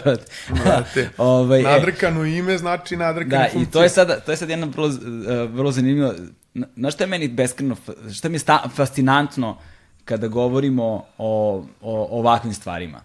Što je zapravo neophodan, neophodno da pre, prevalimo toliko veliki put u životu da bismo zaista shvatili da su ono kao jednostavne istine zapravo najbolje. Mm, Znaš, ali da. neophodno da prođeš taj put, Sigurno. jer ako ti neko samo kaže, e, najzdravije je da se zdravo hraniš, to zvuči kao najveća budalaština na svetu. Da, da, kao neko da, opšte da, mesto, da. toliko banalno da boli. Znaš, ali, pa bukvalno, ali, ali kada kreneš da. na to putovanje, da. pa kad shvatiš da ta jednostavnost se zapravo najteže postiže, Tako jer kao i bilo čemu drugom, kad posmetaš vrhunskog sportistu, kad posmetaš nekog vrhunskog umetnika, slikara ili šta god, sve to što oni rade, kada stvaraju, kada rade, kada treniraju, kada, ne znam, se takmiče, to deluje kao s nekom lakoćom. Tako je. Deluje kao najjednostavnija stvar na svetu, ali to je zato što su oni do te jednostavnosti stigli sa mnogo godina truda i odricanja Tako i rada. Je. Izgradili su virtualni domaći teren, naš, ono, to, to, na domaćem su terenu, da. E. Ali, ali to je, naš, ja, ja stvarno verujem u proces i mislim da je u stvari to fora, osim umerenosti koju ljude treba naučiti, znaš proces je nešto što smo u stvari mi, znaš. Mi da. smo neki proces od početka do kraja i mi konstantno se bavimo nekim putovanjem kad stigneš do cilja, to te smori, jel tako? Fazonu si, evo, stigo sam, ajmo sledeći cilj ili kako već. Ja se čak trudim da odmačinjem ciljeve, znaš, on, ajde u nečemu možeš, u nečemu ne možeš. Ali u svakom slučaju mislim da je proces i razumevanje procesa jako bitna stvar i da onda jednostavno možeš da dostigneš neku visinu u bilo čemu, šta god da radio, to, to je neki pravi put po meni i, da. i to, to je neka ideologija da, i onda, i onda, I onda sedimo ti i ja, klopamo, I onda, i onda si ti u fazonu, galebe, brate, varenje počinje sa žvakanjem. Ali tek kad si zgutao kajganom, brate, kad sam izvalio da sam ja na trećem zalogaju i da sam čutao, a ti si pričao i pojao sve, ja sam bio u fazonu, evo na primer, kao, da, znaš, samo sam ti bacio, ono, da, da, da. dobro si to zapamtio.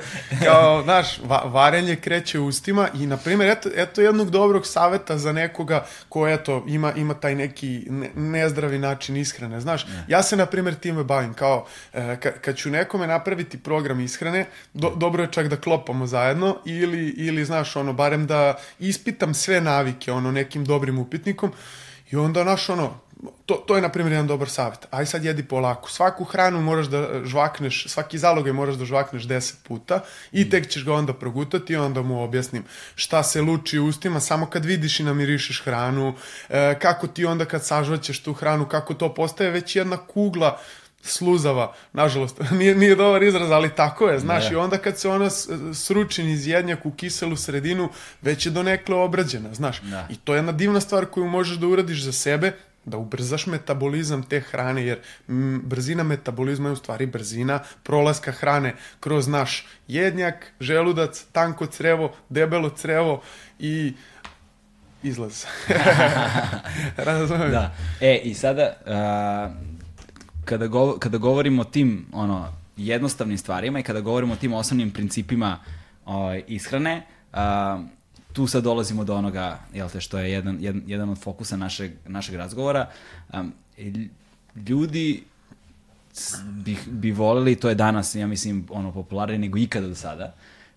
Sada razmišljam kako da počnem da pričam, ja počet ću onako kako je znam.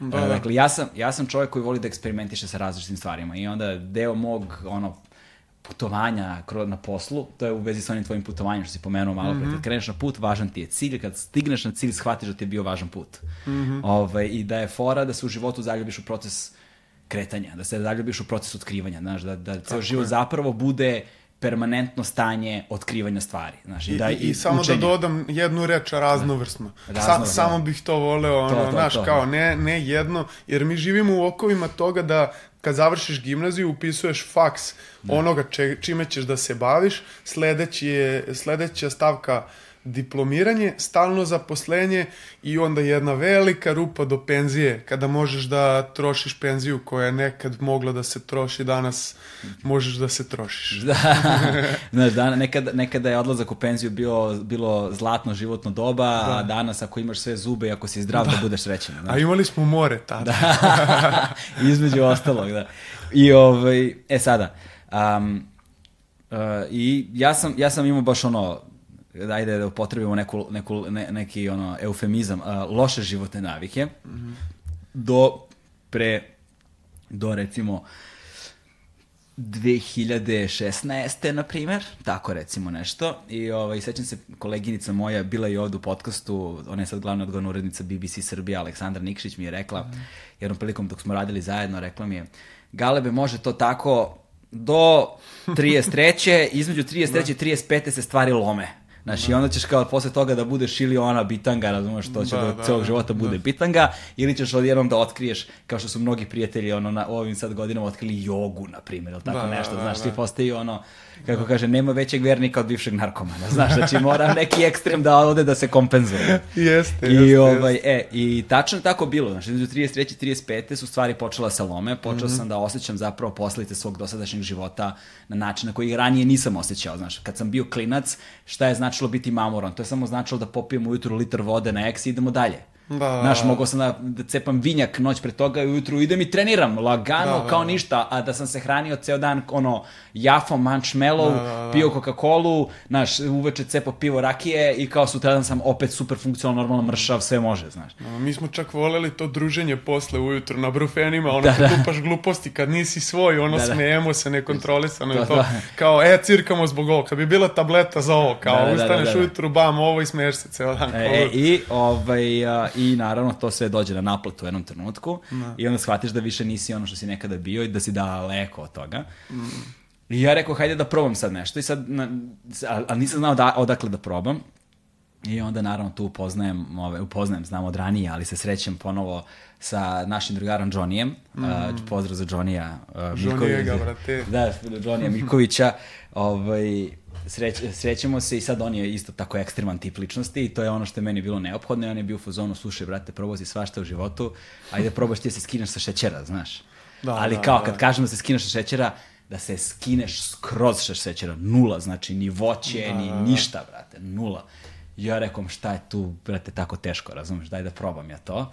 O, to je ono što danas, to tada, znaš, mi smo bili mi, nas dvojica kad smo to eksperimentisali, niko živi za to nije znao. Sada je to jedna od najpopularnijih dijeta, da, fazno, da, da. poznati kao keto dijeta. Da, da, da. I, ovaj, I ja sam tad napisao tekst o tom svom iskustvu putovanja, tom putovanju kroz skidanje sa šećera taj tekst je eksplodirao. Mene dan da. danas ljudi cimaju ono da im dajem savete, ja sam fuzon ljudi, ja ne znam ništa o tome šta vam je. Ja samo pišem šta sam ja naučio u tom procesu. Ne di pa, Bože. Ali to jeste, u tome jeste fora. Da. Znaš, ono, stručnjaci koji su sva znanja uzeli iz knjige, nisu ih probali na sebi, nisu ih uzeli sa razumevanjem. Jednostavno, to je jedna tačka gledišta i ono, navikli smo. Znaš, one, da. ma, bez uvrede sad za bilo koga, znaš, ono, neki debeli, nezdravi doktor, brate, puši pljugu i pričati, ne možeš slatko, slano, kiselo, gorko, ljuto, ovo, da. ono, vidiš njega da, da ga je uništilo to, brate, ono, da. da. on je stara zgrada, brate, zbog toga, znaš, da, da, da. ono, i, i, i, znaš, on, on je jedno jednostavno jedna strana svega i to nema toliku težinu kao ti ko, kog ja sad vidim ono sa, sa ono čistim ispod očiju, sa sjajem u očima, da, da. znaš ono sa, sa jednostavno licem koje je mlađe nego pre, ne znam, kad smo se ti ja upoznali pre 7-8 godina, da, da. ti si sada mlađi čovek, ono imaš mnogo više energije, imaš auru jako oko sebe, to se jednostavno vidi. Da, e, i sad da pomenemo, recimo, hajde da počnemo onda, i tad sam shvatio, jer ja do tada nikad u životu nisam razmišljao o dijetama, o ishranama, za mene su ljudi koji su se bavili time bili prosto vidio u budalu čime se bavi, znaš. Mm -hmm. Ali sam primetio da, ok, postoje ljudi koji se ozbiljno bave ishranom, to je jedna kategorija, i imaš ljude koji se bave ono, dijetama kao trendovima. Da. Znaš, da. kako koja naleti, tako se njima, tako se njima bave. Ja bih volao da ti i ja sada pričamo o pojedinačnim, trenutno mm. najpopularnijim dijetama, da kažemo koje su dobre za šta, koje su loše za šta su loše Jasno. I, i s druge strane da ih objasnimo šta je to što one rade i kao na kojim principima se one baziraju. Pa je bilo super recimo da počnemo sada sa keto dijetom, evo kad, smo mm -hmm. već, kad sam već nju pomenuo, a i o njoj znam najviše, pa možda mu mogu i da učestvujem Ma, u razgovoru. Mali uvod, samo da, da, da. već sam pomenuo celu priču koja kreće od bodybuildera da. i kako to, kakav je to pristup ishrani malo ekstremni i dosta sadašnjih trenera upravo tako piše program ishrane. Nebitno je ko si, gde si, šta si sada, nego kao ti treba da jedeš toliko kalorija dnevno, imaš znači ono, imaš nekoliko formula koje ti pomažu da izračunaš koliko je tebi potrebno kalorija sa tom kilažom na kojoj si sada, nivoom aktivnosti, godinom i svim, koliko ti treba kalorija da ostaneš isto to. Što znači ideš u deficit da bi mršavio ili ideš u suficit da bi se gojio uz pomoć treninga, naravno. I za jedno i za drugo koristiš trening kao kidač svega. Mm -hmm. Ako je to gubljenje, ti imaš ono intenzivan trening koji te troši 36 sati posle, znači sagorevaš kalorije pojačano i posle. Ako je to nekih trening hipertrofije, povećanja mišića, onda su to neka spora spuštanja. Ali taj program ishrane opet to nije ono održivo zato što je to nešto što je ono previše jednostavno, odnosi se samo na makronutrijente, proteini, masti i ugljeni hidrati i to je bukvalno uh, quick fix. Znaš. Da, e, aj sada pre toga samo da objasnimo razliku između makronutrijenata, makronutrijenata i mikronutrijenata. Makronutrijenti su ono čega nam treba mnogo. Znači, to je ona suština hrane, proteini, masti i ugljeni hidrati. Proteini nam dolaze iz mesa, životinskog porekla, dakle, dolaze iz mlečnih proizvoda jaja, dolaze iz razno raznih biljaka i tako dalje. To, leguma, kako, kako ćemo reći legumi, uh, pasulj, grašak Aha. i to, znači od takvih namirnica. Da. Imamo masti koje su ono najozloglašenije, ajde da kažemo makronutrijenti, dugo je vladalo ono ko jede masno ima loše masti, da. uh, visoke loše masti u krvi. Ali to nije tako naravno i sad to je ono od putera, maslinovog ulja, svega ostalog i imamo ugljene hidrate koje možemo da podelimo na povrće, na lisnato, to je ono što ne goji mnogo i što ima po pravilu dosta vlakana koja se ne svare, nego ih jeli, izbacimo tako nesvarene i ugljeni hidrati koji su skrobasti, koji neki od njih imaju nešto vlakana, ali opet to su one količine šećera ili ti energije koje treba na neki način da potrošimo. Pa imamo brze ugljene hidrate koji moraju odmah da deluju, znači ili da smo uradili trening ili neku aktivnost, pa da nadoknadimo te rezerve u jetri i mišićima, ili spori ugljeni hidrati koji će se postepeno otpuštati nekoliko sati i davati nam neki stabilan, ali ne toliko visok nivo energije tokom sledećih par to, sati. To, jel to zapravo govoriš o hidratima sa visokim i niskim glikemijskim indeksom? Tako je. Da, da. Mm, ja ne koristim toliko taj glikemijski indeks zato što on ne uzima u obzir količinu šećera. Aha. Tako da ti u suštini med ne valja, ali ako ti uzmeš baš malo meda, ti si uneo malu količinu, znaš ono i onda ti to neće toliko dići nivo šećera u krvi, jer treba količina šećera, ali glikemijski indeks može da bude dobar orijentir za biranje namirnica i da kažemo da recimo glikemijski indeksi preko 50 su nešto što treba jesti posle treninga, da kada istrošimo svoje rezerve šećera kojih mi imamo recimo 700-800 grama u jetri i mišićima, da to prvo nadoknadimo, jer ukoliko to ne uradimo tim šećerima, razgrađivat ćemo svoje mišiće. Da, da. To će telo da uradi. Razgradit će mišiće, od njih će da pravi energiju i to je ono što većinom nećemo. Bilo Zapravo da cilj... od, od proteina mm -hmm. iz mišića će da pravi energiju, ali tako? Da, da, da, da, da. Proteine će da razloži na aminokiseline, onda tu postoji nekih reakcija koje će se dogoditi u našem organizmu, malo će da luta i na kraju će postati da, energija. Je, je to proces koji se zove glukoneogeneeza? Bravo. Bravo. Vidi, da. vidi, vidi, vidi, vidi, vrate, nemam pehar da ti dam, vrate, ništa, ne znaš šta ti dam, e, to, to, to, to. nešto mora ti dam da, za to, e, svaka okay. čast. Ove, e sada, dakle, a mikronutrijenti?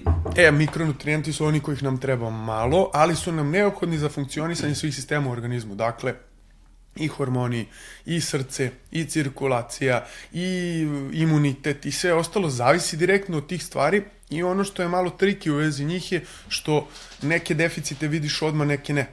I dosta bolesti nastaje baš tako. jednostavno u deficitu si hroničnom već godinama sa nekom substancom, sa nekim mikronutrijentom. E, mikronutrijenti su dakle vitamini, minerali, fitonutrijenti neki koji se nalaze u biljkama, zoonutrijenti koji se nalaze u životinju.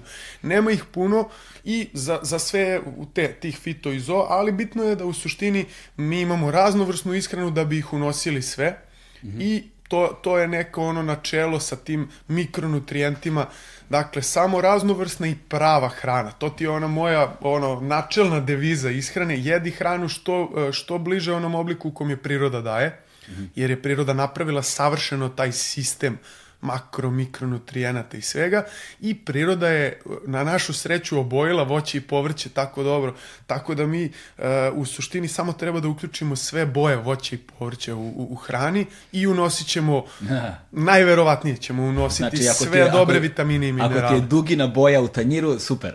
tako je, tako je, ba, baš tako i ono, ja, ja u stvari kažem pola zeleno, pola dugina boja. Da. To, je, to je to zato što nam zeleno stvarno daje ono bezbroj koristi i hranu u suštini treba zasnivati na tome. Na, naša neka tradicija ono mesina neka, imaš nekog vola u tanjiru i imaš kao neku malu salatu koja ti služi da ti zaloge bude sveži, da ti se ne zaglavi ovde. Da, da, da. Ako ne proteruješ nekim pivom, nečim, da, razumeš? A u suštini, znaš, treba hranu zasnovati na toj salati i po meni salata treba ti bude ukusna, znaš, ono, ne, neki možda malo složeniji dresing koji gotiviš, neke dobre da masti, neki mrvljeni bademi ili tako nešto, znaš, ono, ulepšati salatu, ono, da. neke divne pečurke, na primjer vrganje, ono, pa malo izgriluješ vrganje sa belim lukom, pa baciš to preko, pa maslinovu ulje, izdrobiš bademe i napraviš od obične salate nešto što je super, I evo, već si zaboravio na meso. Nisam zaboravio na meso. Nisi. Teo sam možda te pitam za karnivor dijetu, ono, odnosno za tu mesnu I onda, dijetu. I onda dolazi karnivor tu pored, znaš, da, ono, da. kao najedeš se mesine. Mislim, znaš, ono, termička obrada mesa stvara u mesu nešto što nije dobro, znaš, to je u suštini lešina. Ali mm. mi smo evolucijom navikli da jedemo meso, imamo dosta toga dobrog u mesu. Mm. Pre svega taj kreatin koji u suštini je glavni za proizvodnju adenozin trifosfata u našem organizmu. Šta je adenozin trifosfat? E, jedinica naše energije. Mhm. Dakle, na to radimo. U svakom slučaju, bez obzira odakle vučemo i tako dalje, na kraju krajeva sve se svodi na adenozin trifosfat koji, koji je naše gorivo. Razumeš? Mhm. A, a kreatina ima u crvenom mesu dosta. I uopšte u mesu. Tako da mhm. oni ko ne jede meso, trebalo bi da se suplementira kreatinom. To je, na primjer, ono razumevanje suplemenata kreatin koji je već sada najistraživaniji suplement, najdelotvorniji po mnogim istraživanjima, po mnogim studijama na velikom broju ljudi, nije toksičan, nije loš, eto ga, eto mu je ono praktična primjena i naravno svi koji se bave sportom kojima treba ono ja to kažem dva više ponavljanja ili tako da, dalje. da, da, da, to to je možda najbolji primer Da, kreativno. Da, ali na, ta, ali na ta posljednja dva ponavljanja se zapravo lomi i karakter i ono sve, znaš, tu je... U nekim slučajevima, da, tu je... nekad e... se lomi i leđa.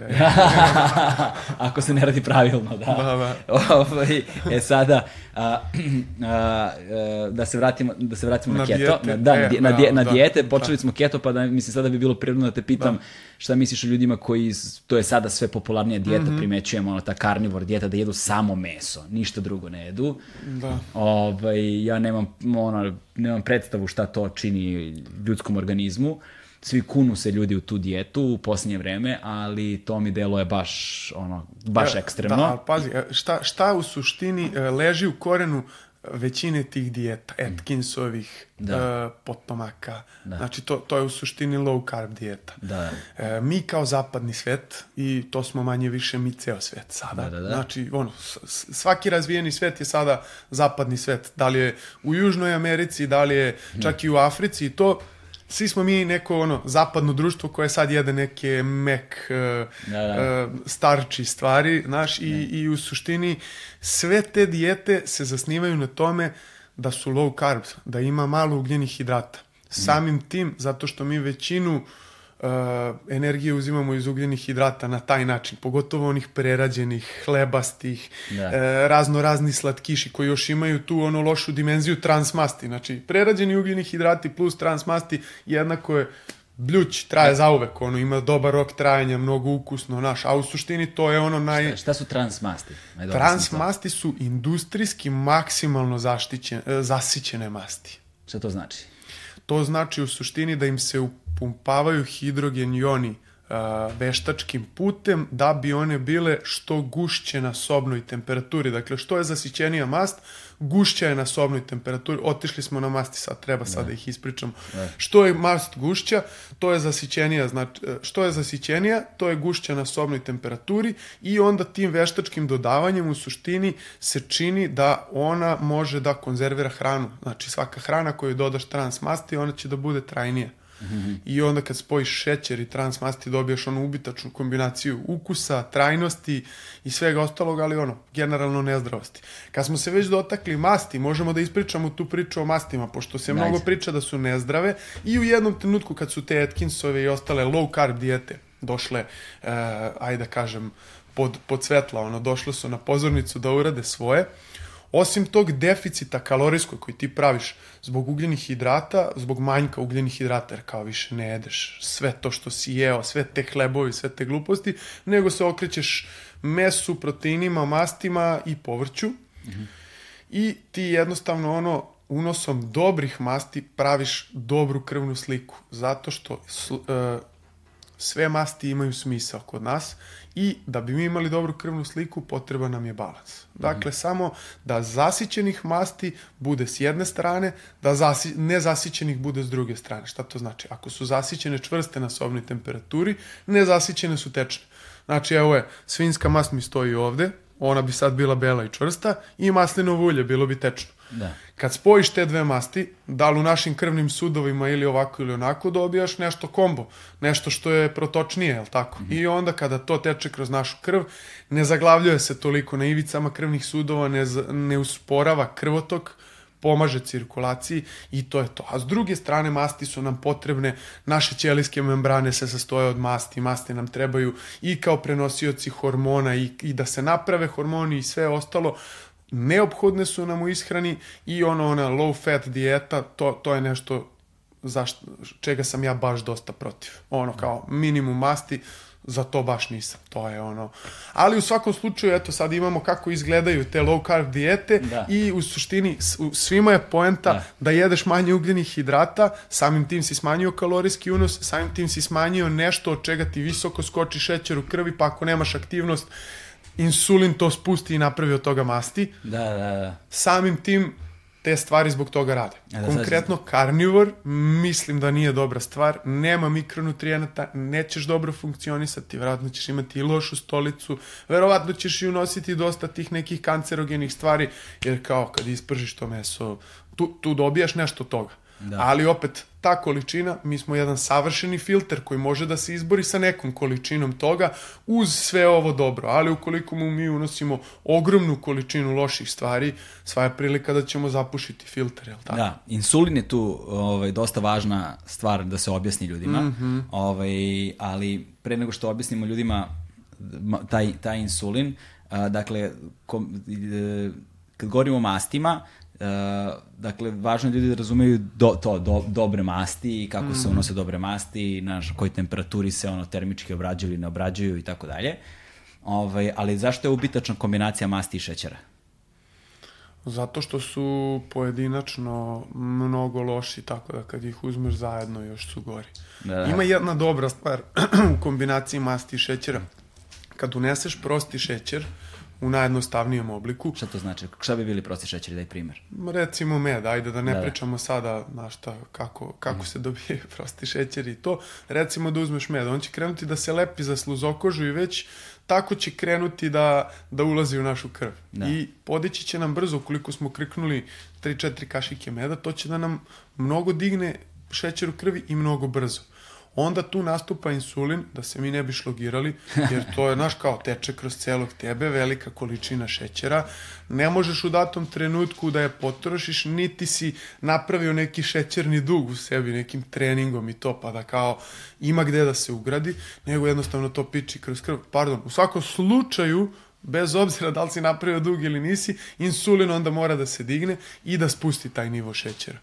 I sada sa slatkišima i svim ostalim stvarima šećer se spusti ispod nivoa koji je nama normalan i onda mi želimo opet taj insu, šećerni spajk i tako mi radimo ono to je one, ono što se zove binge eating. I Da. obično ide uz binge watching, tako da, znaš, Da, ono, da, da. gledaš nešto, jedeš, pa te pustiš, šećer, pa opet, znaš, ono, Ne. neki slatkiši ili nešto skrobasto ili tako dalje. Da, i postoji ta neverovatna kombinacija hrane. Mhm. ovaj, to je, recimo, do, dobar primjer je kako ljudi, koliko god da se najedu, nakon ručka uvek ima mesta za slatko. E, zato što ima posebna pregrada. Ali to svi osjećamo. Da, da, da, da, to. Ali dobro, to je taj šećer koji ti prije, onda, znaš, ono, jako ti je pun stomak, ti se natovariš šećerom i odmah hormoni krenu da rade i odmah, ovo što mi je fino. Da. e, i, on, i sad, e, sad da, da, bi- da, uh, hajde da ljudima objasnimo insulin. Ja sam nekako, ono, sad, verovatno, moj, moja, ono, primitivno na, način razumevanja insulina, ali ja ga razumem kao ćaleta u organizmu, kao strogog ćaleta koji je došao kući. Znači, da sve ostale funkcije ovaj, ono, stanu, da sad kad je insulin krenuo, on ima da obavi Tako svoje je. i to je ono što nazivamo seljački stond posle klope, razumeš, kad insulin Tako krene pa se je. tebi prispava, znaš. Tako e, je. to je od insulina u stvari. Jeste, Znaš. jeste. Za, I u stvari, šta uneseš u sebe da bi sad ti to izabsorbovao, mora da odradi insulin veliki deo posla. A šta je zapravo, šta je zapravo zadatak insulina? Zadatak insulina konkretno da spusti taj nivo šećera u krvi ili da izvadi taj šećer i da ga ugradi u tebe, znaš, Da. ono da, da ga potera u ostale procese gde će taj šećer da se preradi u nešto, znaš. I Da. sad ono, ukoliko ti imaš deficit glikogena u, u, u svom telu, u jetri i mišićima, e, taj šećer će morati u tvom telu da se veže za molekule vode i onda da se skladišti na taj Da. Ili ukoliko ti imaš pune depoje glikogena, što je karakteristično za one koji se malo kreću, mnogo jedu, sve vreme jedu, znaš, ono, Ne. ljude koji su prosto statičnog načina života, onda se to jednostavno u nekoj reakciji e, pretvara u trigliceride i onda se to taloži na poznatim i manje poznatim mestima. poznatim i manje poznatim mestima. Pa Da. ne znaš, ono, imaš neko ko se goji samo u stomaku i guzici, imaš nekoga ko, ono, ugoje mu se zglobovi na nogama, ono, ne vidiš mu odjednom ko, koščice ove na, Da, na da, stopama. tako je meni, meni, ja imam stubaste noge prilično, ono, u, uvek znam kada, ka, tačno znam kada sam se loše hranio, recimo posle pijanstva, odmah mi oteknu zglobovi, znači oteknu mi zglobovi, oteknu mi prsti na šakama, ko će vapi ovako budu, znaš, i onda znam, ok, ali be sad je vreme da staneš. Znaš, Meni ne prolazi kukove, znaš, Da. ne mogu da dobijem gram nigde ispod kukova, ali ono, sve, sve bi želelo da bude oko stomaka. Da, da, e, da, ja sam ono, znaš, kakve su meni noge stubaste, brate, kad obojem duboke patike, kao da mi je noga ravna linija, kao da je paralelne linije koje se spuštaju u patiku, kao da je neko, znaš, kao da si stavio ono telo na dva panja, onako, znaš, i kao napravio Lego kockicu A od nemoj ga, kao, nemoj, nemoj ga. u svakom slučaju, um, ovaj, um, uh, sad, znaš, objasnit ćemo triglicer, mislim da je najbolje da onda baš počnemo, počnemo nazad o toj, keto dijeti, jer ćemo objasniti onda insulin, insulinsku rezistenciju i šta su trigliceridi zapravo i kako se proizvode koja je njihova Može. funkcija, zašto loše se nagomilavaju i tako dalje. Može. E, u, u suštini, ajde, insulin, rekli smo šta je i onda kada pričamo o keto dijeti, mi u suštini hoćemo da smirimo i insulin. I šta, šta je insulinska rezistencija, to je vrlo bitna stvar, to je u stvari nemogućnost našeg insulina da više dobro reaguje i da dobro radi. Samim tim i, i nivo šećera u krvi ti nije dobar i to ti je ono, to, to ne radiš kako treba, jednostavno, ni glava, ni telo, može da ti se desi da se onesvestiš u nekoj lošoj situaciji zbog niskog šećera, može čak i da ono, da ostaneš sam, da, da se desi on, ne daj Bože. Da, ali stvar je u tome da ljudi razumeju da šećerna zavisnost u suštini a, a, utiče strahovito na naše emocionalno raspoloženje, znači naše emocije, je. na naše psihofizičko je stanje, na naše raspoloženje, generalno Mhm. na naše odluke. Dakle, kada imaš ono skok insulina, pa kada imaš pad insulina, pa onda opet skok insulina, pa opet Tako pad je, insulina. I kad tako ideš u tim ekstremnim ono gore dole klackalicama ceo dan, ti si znači 20 puta dnevno si nervozan, 20 puta dnevno ti se spava, 20 puta Tako je. nema nikakve stabilnosti u toku dana, niti dijetu možeš da držiš kako treba, jer ako kreneš nekom dijetom, ali opet jedeš hranu koja izaziva tu vrstu reakcija, ti onda ne možeš ravnopravno, to, ravnomerno u toku dana da psihički izdržiš određenu Tako dijetu, je. glad ili nešto, zato Tako što je. ono, I praviš sebi diabetes, praviš sebi insulinsku rezistenciju, insulin kreće da ne radi kako treba i onda, jeli, moraš da rokaš injekcije insulina da bi sve funkcionisalo normalno i da bi uopšte ti bio normalan čovjek. I ajde, to je osnova keto dijete. Dakle, kada ti ne daješ šećere svom telu konstantno u ishrani, onda ono isprazni depoje glikogena, dakle depoje šećera koji su se vezali sa vodom i koji ti služe da ti radi mozak, da dišeš, da ovo, da ono, telo kaže, ok, znači to goriva više nema, ja moram da se snalazim, mi smo napravljeni da možemo dva meseca da ne jedemo. I šta se onda događa? Jetra kreće da proizvodi ketone. Oni se proizvode iz masti i to je u suštini ono narodski rečeno, naučio si svoje telo da koristi masti kao energiju. Umesto šećera. Tako je, ne. umesto šećera i pre svega znači prednost keto dijete, kalorijski deficit jer je energetski deficit jer ne jedeš sve te ugljene hidrate u zapadnom društvu, dakle ne, nema toliko toga, nisi, znaš, ono, ne, nekada ono pećinski čovjek imao je kao ne. ulov svoj, to je to, nema frižider i ono, roka samo to mesa, jel tako? Ne. Mi sad imamo opcija, imamo nadrkancija, imamo volt da okrenemo, imamo sve i onda naš, jednostavno ono, listaš, brate, i ono, uvek se potkrade malo tog šećera. Ono, ono što ti, dakle, radi keto dijeta, pre svega držiti šećer na optimalnom nivou. Drugo, bacati fokus na dobre stvari. Da. Treće, svi ti neki, sve te neke kombo namirnice, kombinacija šećera i masti više nisu opcija, ne jedeš slatkiše i tako dalje i to je to. I ono što je bitno kod keto dijete, treba reći ljudima, Uh, treba da kontrolišeš da li si u ketozi, da vidiš kako možeš da održavaš ketozu. Dakle, neko čak i može da unese malo šećera da bude u ketozi, ali ono što je jako opasno, biti malo ispod crte. Dakle, ne biti u ketozi, a biti na baš malo šećera, jer onda ipak tvoje telo očekuje šećere, da. želi šećere, nije u fazonu da proizvodi ketone, to može da bude opasno. I naravno druga stvar da jednostavno ono se ne zaludimo i napravimo sebi neke poremeće u ishrani, da delimo hrane na dobre i loše i ovako i onako, nego jednostavno ono imaš svoje ciljeve, imaš sredstva i onda gureš da, u tom Da ne diskriminišemo hranu, to jest. E, ja, sam, ja sam tako objasnio ljudima kad me pitaju šta je keto, kažem keto ti je kad uđeš u prodavnicu, supermarket uđeš i ideš samo levo i desno, znači povrći delikatesi da, da, i da. zaboravi sve u sredini. Da, da, da. Sve u sredini zaboravi. Pavlaka, puno šećera, znaš, o, kukuruz, pun šećera, da. znaš, šargarepa, šećer, Znaš, to, kad, kao, to mi nače kad tražim ono, ne znam, meso s povrćem. Znači, ja poručujem meso s povrćem, on donesu mi krompir, kukuruz i šargarepu. I soja sos. I soja sos, brate, šta je pa rekao, evo te mogu si i kašiku šećera pored da mi staviš, Pa dobro, ali to je, to je opet low carb. Pa, Suština da, da. tog tvog obroka, ovog što smo ga rekli, je okej, okay. znaš, ne, ne moraš uvek možda taj soja sos, ali da. svi ti prirodni šećeri, prvo nema ih tako mnogo količinski, evo, šargarepa ti je dobar primjer za to, znaš, ne, moraš baš mnogo da se najede šargarepe da bi uneo veliku količinu šećera. Da, da. I ajde, svi ti dresinzi, začini, ono, ok, imati ponekad, ali razumeti ih i naći, ono, neku da.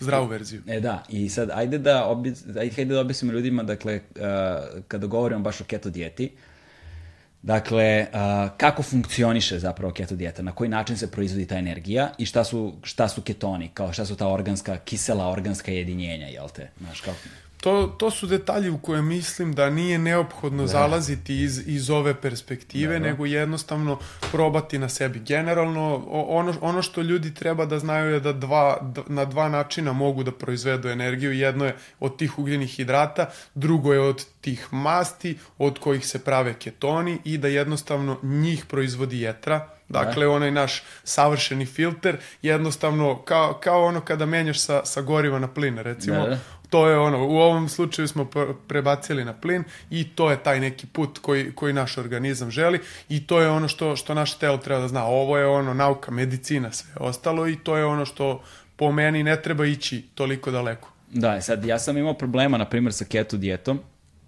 ovaj, ne problema, e, nego dugo sam je držao, sad, znaš, ima mhm. ljudi koji ima koji, koji dobro funkcionišu, znaš, ali treba opet biti pametan o tome, jer uh, meni je, ne znam, ono, opao mi je, ne znam, slobodni testosteron u krvi, sad, znaš, ono, kada si dugo baš na keto, pa da. kad kreneš sa tim keto postovima, pa po dva, tri dana ne jedeš da. ništa, znaš, samo piješ vodu, ono, jabukovo sirće i šta ti... Ima logike. Znaš da to i ovaj i sada nemaš više nemaš te insulinske reakcije. Ono nemaš highs, ali nemaš ni lows. Da, Znaš, da. Na, gostirani. I dobijaš te neki ono asketski moment ono, u životu gde, gde nema više temperamentnosti, impulsivnosti, nemaš više ti snage za to. Da. Nego ono, biraš svoje bitke u toku dana, Da. ovaj, ali, si, ali si skroz ravan. I onda s jedne strane super za donošenje od razo raznih odluka, poslovnih, ovakvih, onakvih, Da. stabilan si, smiren si, nisi gladan, nisi nervozan, dobro Mhm. spavaš, to je sve okej, ali s druge strane, libido ti padne prilično, ovaj, o, mislim, Kako kome? Pa to kažem, zavisi kako kome. Znaš, Možda da, možda da. i kad je predugo. Me, meni su neki Ja sam ljudi 11 imali- meseci to držao, 12 Aha, meseci, da, konstantno. da, znači, ja da. nisam godinu dana nisam pojao ni jabuku, ono, ništa, razumeš? Znači, Da, uopšte, ludilo, nula, nula, ništa. Zaboravio sam ukus voća, razumeš? Da, kapiram. Na, kapiram. nisam ništa sem vode i, i bulletproof kafe, nisam ništa drugo pio. I jabukovog sirćeta, to je, Da, sve, što, to je sve što sam pio. Znaš. Pazi, mi važimo za podneblje kome generalno odgovaraju ugljeni hidrati. Da, da, da. Ta, takva je neka naša ono prošlost, takav nam je neki put evolucije, tako da ono Hmm. uh, ja, ja mislim da ljudi ko, koji nisu prekomerno teški i koji razumeju stvari treba da imaju regularno ono pirinač krompir, slatki krompir u ishrani Hmm. i mislim da većina na našim prostorima može da se osjeća dobro. E sad, tu postoji isto ta, ta, ta, ta ovaj, priča o podneblju, odnosno ono genetskoj predispoziciji Da. sa podneblja na kojem Da, si da, da. jedeš hranu sa tog podneblja. Naravno. Znači sad je tu moja malo ono genetska kom- mešavina, pošto Da, da, ja da, da. pola nisam sa ovog Da. podneblja, jel Da, te? da, da, Znaš, jasno. I onda, i onda, se, onda se dešavaju te stvari. Između ostalog, uh, mislim da je ljudima važno da razumeju da, da se voda vezuje za šećere, Da. ono za šećeri vezuju vodu i da otprilike koliko, 1 gram šećera vezuje oko 2,5 grama vode. Tako nešto mislim da je otprilike. Ono, Ne- pojedeš bih 100 grama čokolade, Da. 250 grama vode, izbegavam, izbegavam takve podatke. Da, da, da. znaš, ono, to, to je ono, ta, tako se ljudima trigeruje ono, da, da, da pričaju o tome, da se prave pametni. Ne, Da, da, ne. da, da, da. A, da, tako je, tako je neki odnos. Tako Recimo. neki odnos. E sada, um, koje su, ko treba da koristi keto dijetu? Ko treba da koristi keto, a ko ne? M, Pa najbolje za sve ljude je da istražuju i probavaju Mhm. ono šta njima odgovara. Znaš, svi se mi razlikujemo i svi smo mi toliko slični, recimo 97% smo isti, Mhm. ali onih 3% je ono, mnogo varijacija u svemu tome što mi radimo. Znaš, kad pogledaš, svi ljudi generalno rade iste stvari kroz ceo život, Da. ali onda tih 3% su nama opet opet je to mnogo činilaca i mislim da u stvari ljudi treba načine ishrane i namirnice da provuku negde kroz jedan deo života i da provole da li im to odgovara ili ne. Meni se, na primjer, keto dijeta pokazala jako dobrom kod mnogih ljudi koji treba da smršaju. Da. Čak i kod žena. Ali, na primjer, u većem procentu kod žena se pokazala i malo opasno, malo im se poremete hormoni, malo ima veze sa, ne znam, ciklusom, sa kožom, sa ovim, sa onim. I to je dokaz da ili, ili je to ne bio neki period čišćenja ili da im ne odgovara. Da. Ali u suštini, znaš, ja, ja onda samo odreagujem kao da, ok, ajmo sada da variramo ugljenim hidratima, da ne radimo keto, nego da recimo danima kada treniraš imaš ovoliko ugljenih hidrata, znači malo više, da imamo jedan totalno dan u toku nedelje nizak kalorijama i nizak ugljenim hidratima, da imamo jedan dan kad ćemo se igrati zdravih poslastica, pa kao naš ono, da to bude neki visok dan, tad ćemo jako trenirati i onda to postane to i najčešće je radilo ili jedno ili drugo, znaš, Da. najčešće se ljudi snađu u tome. Tako da ono, to, to je prva stvar pod brojem jedan. Druga stvar, im, imaš one ljude koji, koje naduvaju ugljeni hidrati, koji ono, najedu se ugljenih hidrata, nekih ovsenih pahuljica, pirinčaju ono, stomak To su verovatno ljudi kojima to toliko ne prija i onda ili treba da nađu šta im prija ili treba da probaju keto dijetu. Ima ljudi koji ono, više godina održavaju keto dijetu uz dobar unos uh, ono, mikronutrijenata, svih Da. koji su potrebni. I, I ljudi koji imaju insulinsku rezistenciju. I Da, naravno, naravno, njima u svakom slučaju. To i ljudi koji, koji imaju problema sa epilepsijom, između ostalog takođe to se pokazalo kao vrlo dobra dijeta za njih. E sada, vrlo slična njoj, često se brkaju, ovaj, i Atkins. Pa on je u suštini ćale cele te priče, ali on, po meni, to se sve zasniva na nekom ono, kalorijskom deficitu koji ti imaš zahvaljujući tome što ne jedeš. A dobro, šta su osnovni principi Atkinsa? Šta je Atkinsova dijeta? E, u, u suštini to, low carb. Da. Ha, high fat, low carb, znači ve, veća količina masti i veća količina energije iz masti, dobri izbori mesa, lisnato povrće i u suštini to je to. To je, to je neka preteča, dakle, svih ovih dijeta posle koje će doći i paleo i sve ostalo što smo uzeli. Hrono dijeta, do duše, nema veze s tim, ajde, o tome smo isto pričali. Da. O, ovo, je, ovo je konkretno ono kalorijski deficit zahvaljujući tom nedostatku ugljenih hidrata. E sad, šta je, uh, zašto se, zašto, recimo često ljudi koji su na Atkinsu, kada uh, vade krv, ono, posle nekog vremena na Atkinsu, ispostavi se da imaju kao uh, visoke trigliceride u organizmu. Kao na... Velika količina masti i to je taj ono liberalni deo tih dijeta gde kao ovo nemoj, ovo možeš koliko hoćeš i onda verovatno neko drugačije vari i procesira te masti i samim tim mu, eto, trigliceridi dođu do izražaja. Znaš, ono, to, to je negde normalno. Svi se malo razlikujemo. Znaš, kao, kao što kod mene neće, kod nekog kao što je tvoj telesni tip će to više doći do izražaja. Da. Više će prosto masti da bude i u samom telu i u krvotoku. E sad, zašto su trigliceridi važni? Trigliceridi, pa ono zato što je to kao o, osnovna, osnovna jedinica storage masti, mislim, u svakom slučaju. Ne, trigliceridi, ajde, ne toliko. Mi više treba da gledamo dobre i loše masti u krvi. Ako gledamo onu analizu, onaj papir uh, analize krvi, treba da gledamo HDL ili ti dobar, dobar holesterol u odnosu na loš holesterol LDL, recimo da. neki odnos 3 naprema 1 je optimalan, u stvari odličan, 3 da. naprema 1 je odličan, pardon, neoptimalan, da. i e, većina nema optimalan. I s druge strane, e, 5 naprema 1 HDL u odnosu na ukupne trigliceride, ukupne masti. Da, da. I to je ono što mi treba da gledamo sada. Da, znači da jedemo dosta dobrih masti, da taj zbir masti, ajde da kažemo, u svom organizmu e, napravimo prilično protočnim, zdravim i da imamo sve vrste masti, Da. Tu ćemo sada se dotaknemo omega 3, to je super. Da. I, i ovaj, to, to je neka, ajde da kažemo, zdrava krvna slika što se tiče masti, zdrava cirkulacija, zdrava proizvodnja hormona i tako dalje. I onda samo da se dotaknemo omega 3 masti, takođe nezasićene masti, koje u suštini možemo da dobijemo iz duboko morske ribe ili algi. Mm. Ako će mi neko reći da ih dobijamo iz avokada i lanenih semenki, tačno, omega 3 masti, ali suštinski EPA i DHA, to su nam omega-3 masti koje ne možemo da dobijemo, a jako su nam važne mm. za nervni sistem, za topljenje masti, za moždane funkcije, za imunitet i za sve ostalo. Dakle, balans svih masti nam je potreban, mm. HDL holesterol ćemo konkretno podići na taj način i evo prvi suplement u stvari koga sam se dotakao sada, uh, omega-3 suplement koji recimo od 1000 mg ima hajde da kažemo 600 minimum EPA i DHA smatra se relativno kvalitetnim od proverenog proizvođača, da nije bio na suncu, da nije bio na toplom, ono, molim te da nije, znaš, da. što ne znaš, ono, kad da. ti stigne bočica. To je to. To, to. Ako ga kupite, držite ga u frižider, onog trenutka kad ga otvorite, kao, znaš, to. Ja, da, video sam sad da si stavio, da, u frižider, ali ono, kažem ti, ne. ko zna gde je to bilo i šta je radilo, možemo samo da se nadamo i da, da. uzimamo placebo iz toga. To nije loša fora. Između, između ostalo, pazi, ako deluje i placebo je lek, bože moj, šta sada? Znaš? Tako je, možeš moliti vodu mi Evo ti tu je bila. Aha, a vidi ovde. Pa šta ti kažem? Evo.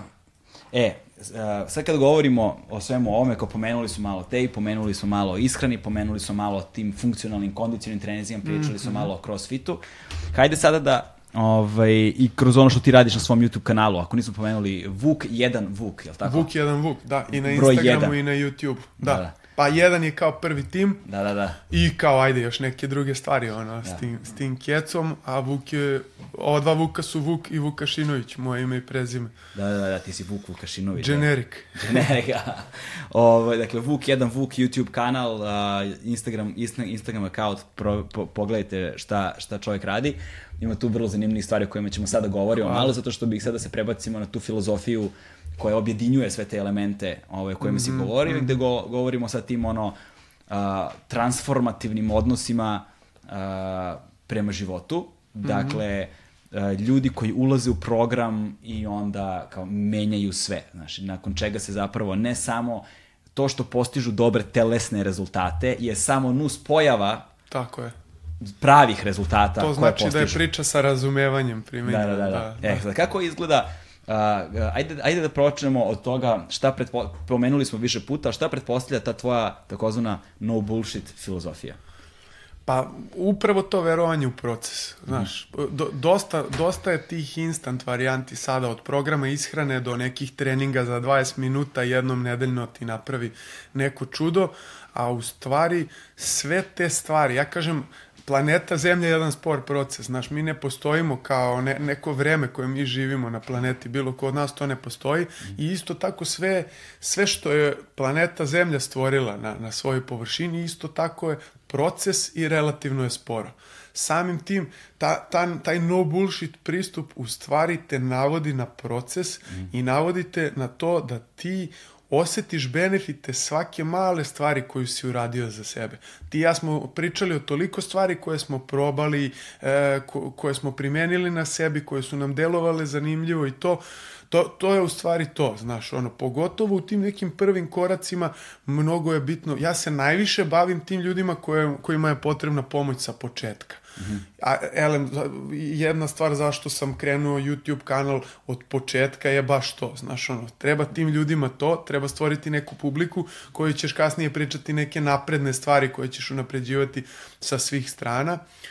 I, I upravo je to ono način koji propovedam. Znači, korak po korak, razumevanje, umerenost i kao nema quick fix, nema ispucam se svim živim suplementima i radim sve dobre stvari i, i ludilo i onda me nema da se javim. Znaš, ono, ne odgovara na poziv. Znaš, ono, šta da. je bilo, ono, da, da, od, četvr, od četvrtka do nedelje, ono, kao, da, da. Mla, gadost, mladost.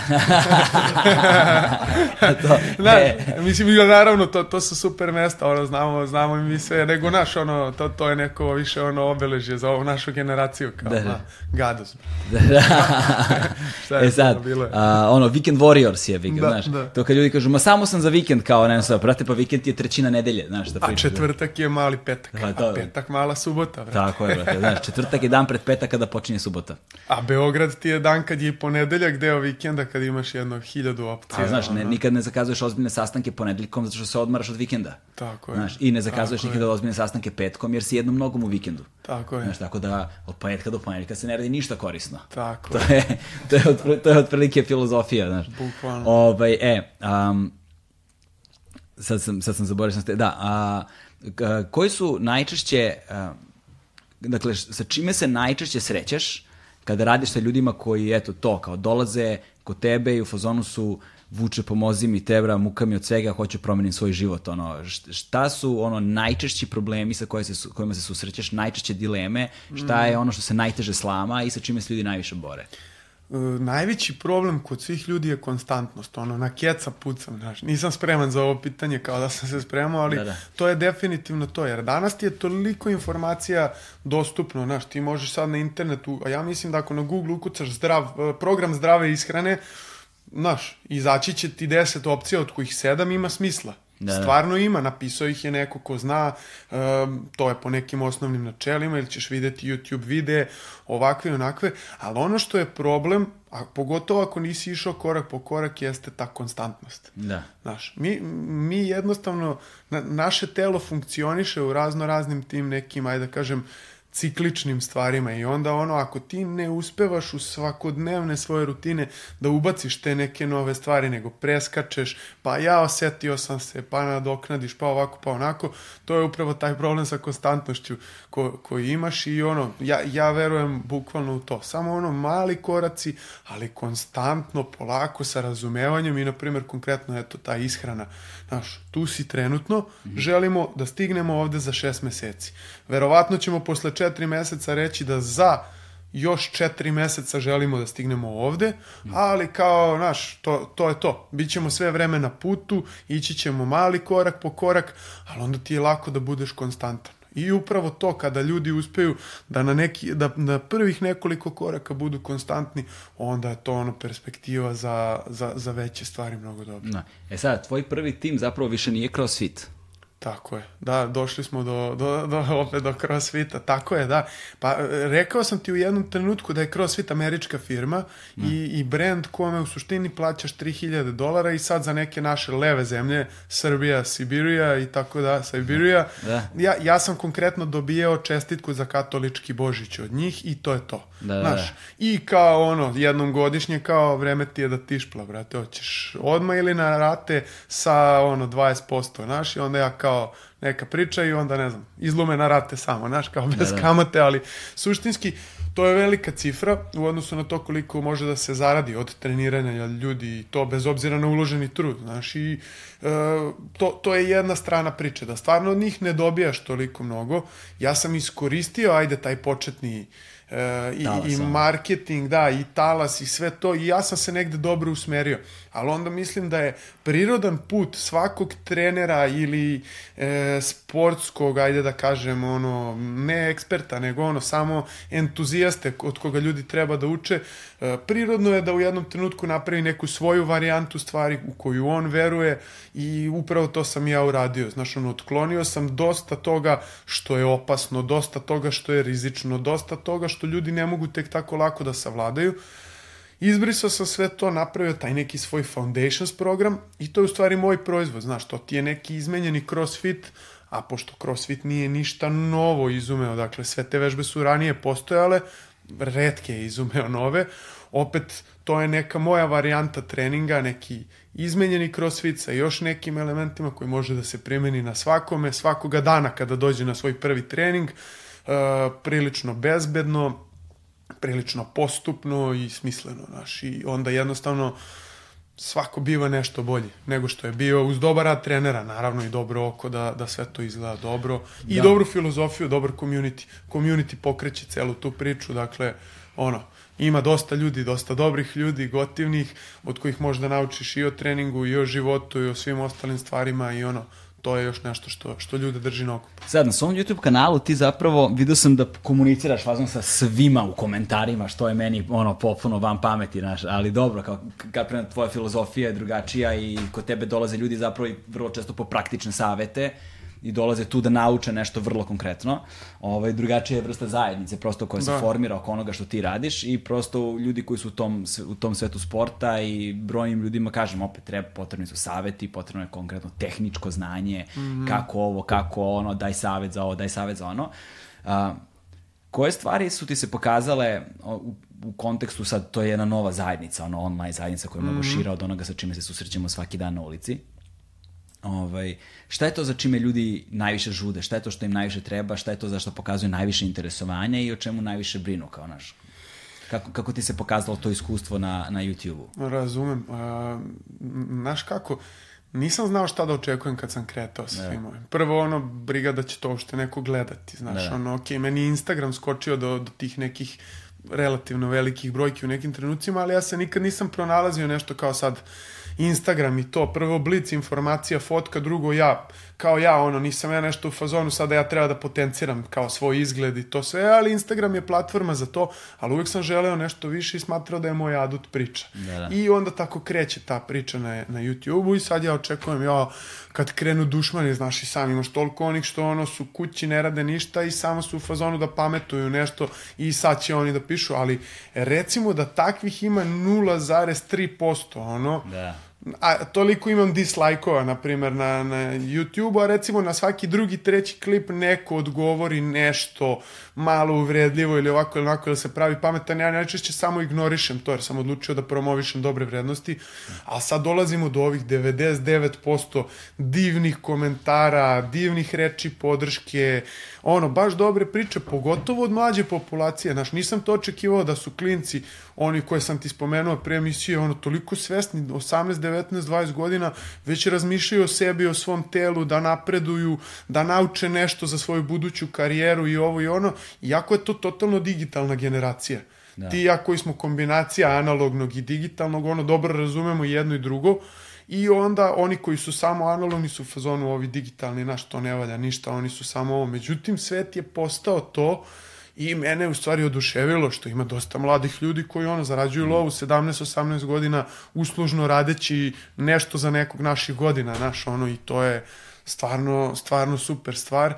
I uopšte taj neki širi uticaj od svoje lokalne zajednice mene loži zato što mislim da to stvarno može da poprimi jedan veliki obim. Kažem ti, ja sam očekivao od mog YouTube kanala da se ovo događa uh, za dve, tri, četiri godine kad ovi što su tako mladi krenu da razmišljaju o svom telu. Ona tvoja 33. godina i da, to, da. ja bih rekao 28-9. Da. Kada, kada naučiš da se na kraju života umire u stvari. Ako ti znaš za instituciju toga, znaš ono, provališ da kao imaš jedno telo, znači ako otkineš ovaj prst, nikad više nemaš taj prst, ako izvadiš zub, nemaš više taj zub, treba si da ga paziš, ako ne znam, dobiješ diabetes, sva je prilika da ćeš verovatno imati problema sa nivom šećera u krvi u životu da.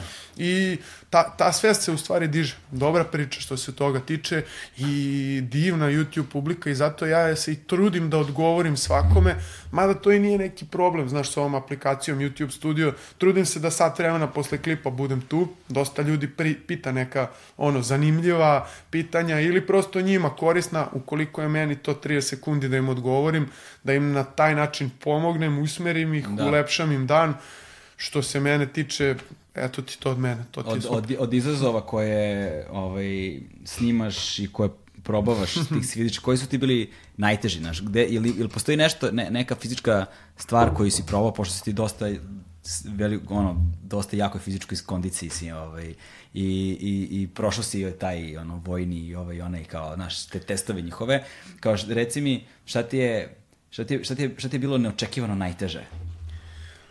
Pa znaš kako, mislim, što, što se tiče tih videa, napravio sam dva, znači imaš taj Navy Seal, da. američka mornarica, i to mi je bio dobar trip zato što su oni, Navy Sealsi su trenirali kod mene u džimu nekakvih meseci i po dana u jednom trenutku, ono, mm. s njima imam ono, toliko anegdota, nema veze sada.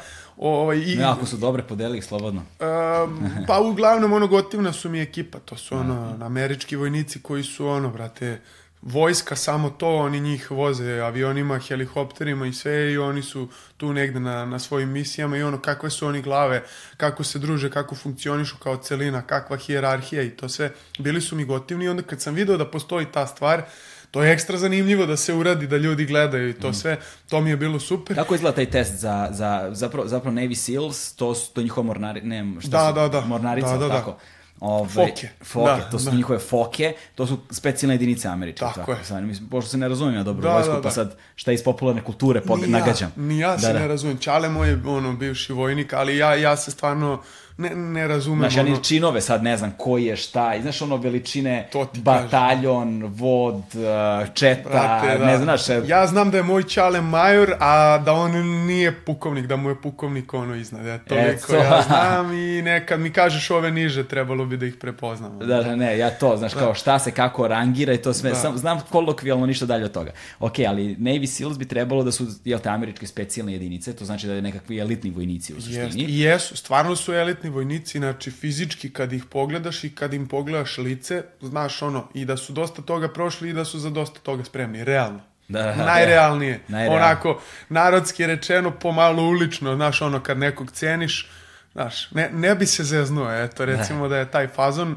dobro kad ih vidiš zajedno, naravno, a kad ih vidiš posebno, ono... Takođe. pa da, e, evo, ti evo ti anegdota, na primjer, šta se desilo, oni su provalili da sam ja Nike ambasador, da imam neke veze, ja sam čak strateški partner, ono, ja. sa, sa Nike-om za trening. I sad oni su bili u fazonu, gde mi da kupimo Nike, šta, jel može ti nešto da nam središ? I ja rekao, pa mogu, znaš, ono, pogledam njih 15, mogu, da. I sledeća scena ja dogovaram, sve najavljujem ih u radnji tamo. I zovu me iz najkranje, šta si bre ovo uradio, šta se ovo događa? Znači, oni su došli njih 15 sa dva, tri prstena, ono, oko sebe, ono, naših ovih da. uh, vojnika, policije, sve dolaze u Nike i kažu, nas je Vuk poslao, znaš, ono, da. tri marice, dva helikoptera i ne znam, dronovi okolo i sve, nas, po, nas je Vuk poslao ovde u Nike. Da. Ono, gomila sledeća, vrate, ono, oni to prepričavaju dan danas, ono, ludnica, vrate, u, u, u ušću i ono. E sad, ovaj, kako izgleda ta, ta, ta, ta njihova obuka? Mislim, ne obuka, taj test. taj njihov test izgleda, prvo plivaš, uh, ne znam koliko je to jardi, 500 jardi je 460 metara, tako Da, je, da, da. ovo je precizna informacija.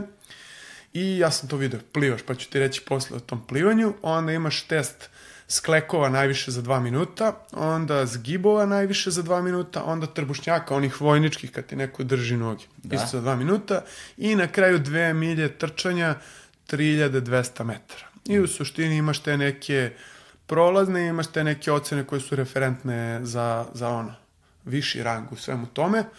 To je u svakom slučaju preliminarni njihov test. Dakle, ne znači da možeš da budeš foka na osnovu toga, nego da jednostavno nisi prevelika šeprtlja da bi se uopšte u to upustio. Da. Ono što je čudno kod tog plivanja, što ja nekako nisam isfokusirao na početku, je da moraš da plivaš prsno ili side stroke, znači sa strane. Glava mora da ti je van vode, što ja, i tekako ima logike, jeli, Da, ako da. si foka, nešto ćeš da nosiš, nekog ćeš da spašavaš.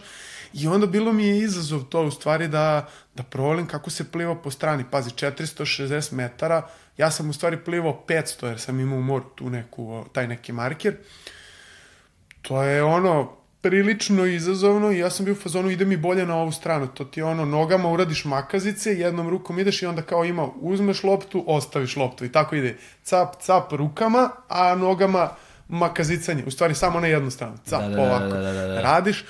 I onda sam u jednom trenutku provalio da nema šanse da radim samo na jednu stranu, zauvek ću da budem ovakav. Znaš, Da, da, ono, da, da, da. moram na obe strane i onda je malo to bilo onako samo izazov. U stvari, Da. uspeo sam da završim u tom nekom vremenu za najbolju ocenu.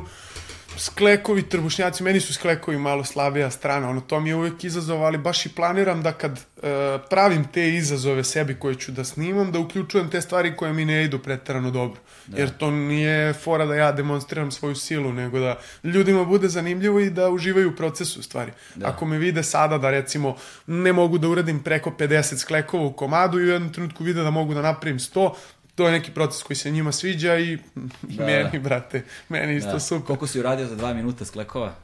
Ja ne znam, pogledajte to na klipu. Kao, e, šalim se, ne, pa ja mislim da sam napravio nekakvih tako 40-50 recimo.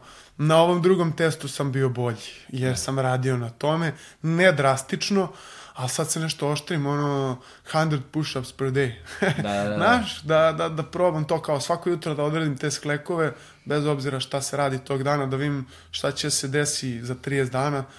Ili razmišljam da ono neki smisao ubacim tome, da idem svaki drugi dan, recimo stotka, da, da pe- penjem. Nego moram i da nađem cilj, da li mi je cilj da uradim sto u komadu ili mi je cilj da budem generalno bolji u tome i to moram to malo da usaglasim, ali eto, to, to su takve neke ideje. Koja je najteža stvar koju si radio? E, inače, na testovima i kako... Na testovima ili ono, na takmičenjima ili ne znam, gde, gde, gde, jel pamtiš neki trenutak kad si umirao, brate? Da, vrate. Ta takmičenja su ti uvek ono 110% sebe. Prvo, zbog atmosfere, znaš, taj testosteron, ono, 50 nagruvanih ortaka, sad ono, taj prostor za zagrevanje 30 sa 30 metara i svi idu kod tigrovi. I ono, ti kad dođeš, ti vidiš neke nagruvane džombaste ortake, kao, čekaj, ja da se takmičim s njim, kao, Da, da, da, da. ovo greška neka, razumeš. Ali to ti je elit kategorija, I, I onda dobro, vremenom naš na osnovu veštine, onih devet kategorija, ti ono isplivaš tu gore, a neko nefunkcionalan džombav ovakav onakav, Da. potone dole. I evo ti ono jedan primer, e, prva disciplina u tom umagu je bilo to plivanje koje sam spomenuo, 600 metara, ko će pre. Da, da. Brate, to je ludnica. Prvo na početku krećeš i to je opšta makljaža, jer svi kreću iz jedne tačke i ciljaju tu bovu tamo. Da. I sad, brate, svi plivaju zajedno i biju se, znaš. I sad ovi koji su trenirali plivanje znaju gde su. More je bilo prilično mutno, zaliv, znaš, ono, ne vidiš dno, ne vidiš ništa, ne znaš gde si, samo znaš da treba da plivaš što brže. Da, da, da.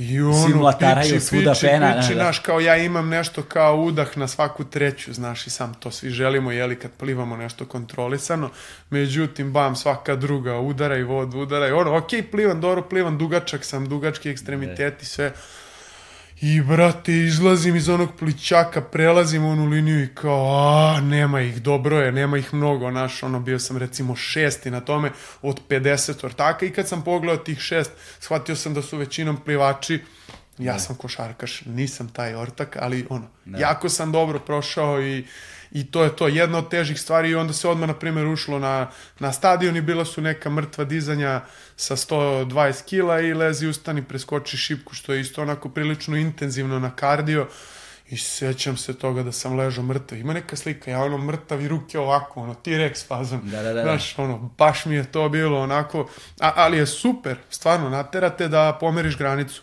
I onda, recimo, sledeći put, kad bi radio 80%, 70% svega toga, što ti isto ranije bilo nezamislivo, isto nadljudski, sad bi ga uradio s priličnom lakoćom i razumevanjem, znaš. Da. E sada, ta, taj mental toughness, ono, znaš, ta, ta, To je to. Ta, ta, to ojačavanje karaktera i guranje kroz bol s jedne strane i s druge strane kroz dosadu. Mm -hmm. Znaš, to je, to je jedna kategorija sa kojom mislim da ljudi ne računaju kada počinju da rade uh, stvari da unaprede svoj život. Ok, računaš mm. na, da će ti biti potreban kontinuitet, računaš da će ti, ako si ozbiljan zaista, računaš da će biti teški trenutaka koje ćeš morati da prebrodiš, računaš da u treningu ono kao, e, aj sad uradim svaku seriju, svako ponavljanje do kraja, da 12 mm. bude 12, da ne bude 8, znaš, to je kao, to je da ne bude 10, da ne bude da. 11, znaš, Jas, to je jas. kao nekako, negde se to pripremiš otprilike i kontinuiranim radom stižeš otprilike dotle, ali ja mislim da je meni i dan danas najveći izazov, bez obzira što evo sad već koliko 4-5 godina se trudim da živim što je zdravije moguće, s time da ja nisam potpuno rigidano dozvoljavam sebi razno razne ovaj, nagradice, ali Isto, te nagrade, isto. ali te nagrade više nisu svaki dan, nego su ono, Da. znaš, S razumevanjem, to je Tako to. je, I da. znaš da je nagradica i znaš da je to nešto što isto voliš, ali ne Tako voliš je. da budeš to. Da. Nego voliš da izletiš na to, je li tako? E da, i onda više nije cheat day, nego cheat obrok, znaš, Da, kao, da. znaš, da nije, nije kao ceo dan jedem sranja, znaš, nego jedan obrok. jedeš. Dobro, ali čak nije ni cheat, znaš, Da. to je neki tvoj režim koji ti odgovara i ono, fizički i mentalno si okej sa tim i onda po meni to nije cheat, znaš. Ka, kao što smo rekli, znaš, sada hrana je jako dostupna i industrija hrane je došla jako daleko i sad tako mi jedemo ono hranu iz Južne Amerike, Afrike i sve ostalo, znaš, svemu tome se dodaje nešto što je nezdravo, manje ili više.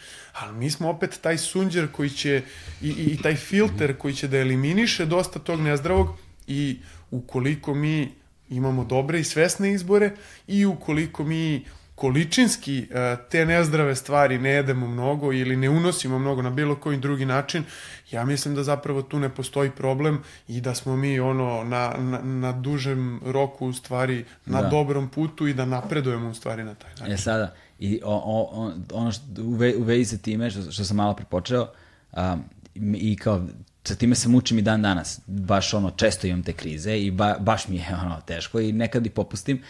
Bude mi dosadno, brate. Znaš, bude mi stvarno dosadno. Znaš, dođe dan da treba da radiš, ne znam, da li trening ovakav ili onakav u kojem su, znaš, sve neke vežbe koje ne voliš, koje, gde su ti, gde, znaš, nema nikakve dinamike, koje su statične, koje su dosadne, koje moraju mnogo ponavljanja, znaš, nisu, on, nisu naročito ni teške serije, niti išta, nego samo, brute, ne radi mi se ovo.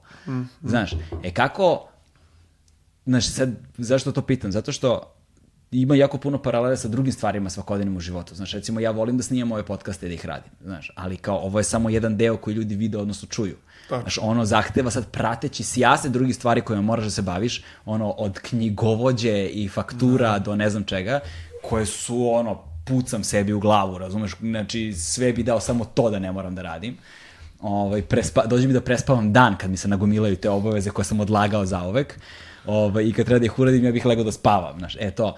I slična stvar se dešava i na treningu. Znaš, i negde meni trening pomaže da se vežbam, da budem disciplinovan i kada su te neke dosadne stvari u pitanju. Kako guraš, brate, kroz ono takve ono sive dane, kroz tu dosadu, kroz... Kako, kako vež, pomažeš ljudima da prebrode to? Kao, da li imaš neki savjet u vezi sa time? Pa, znaš kako, što se životnih stvari tiče, ja, ja gledam na to menadžerski, znaš, ono, i, i, i gledam da što više dobrih ljudi uključim u posao i da e, na neki način sebi ostavim suštinu posla da bi ona bila što bolja. Da se neko drugi bavi tim stvarima. Bravo. Ali pazi, na, na jedan dobar način, zato što e, generalno ljudi, ja, ja za oko sebe biram dobre ljude Da. i na, najčešće ljude koji do tog trenutka ne rade neke sjajne poslove za sebe. I onda na, možda će raditi neki dosadan deo posla, ali to će im biti nadoknađeno na drugi način. Ne. i, znaš, ono, trudit ću se i da im pomognem na sve načine i tako dalje.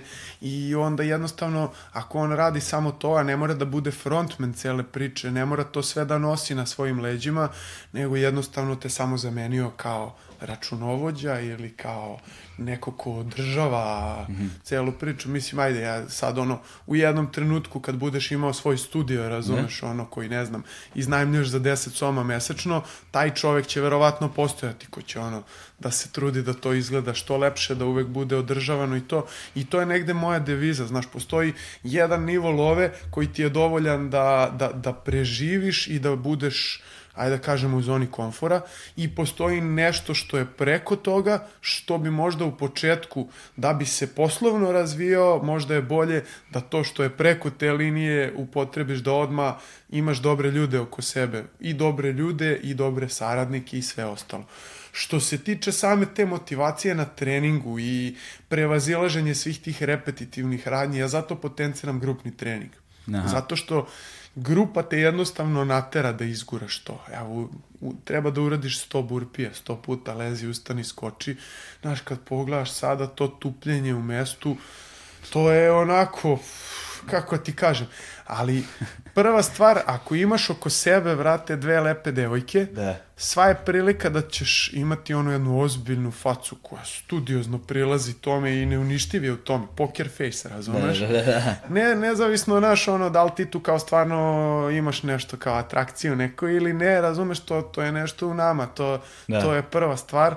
Druga stvar, kada treba da uradiš 100 za takmičenje, vežbaš da uradiš 500, brate. Da. I onda, meni, na primer, sada da kažeš ovde da treba da uradim 100 komada, nikakav problem.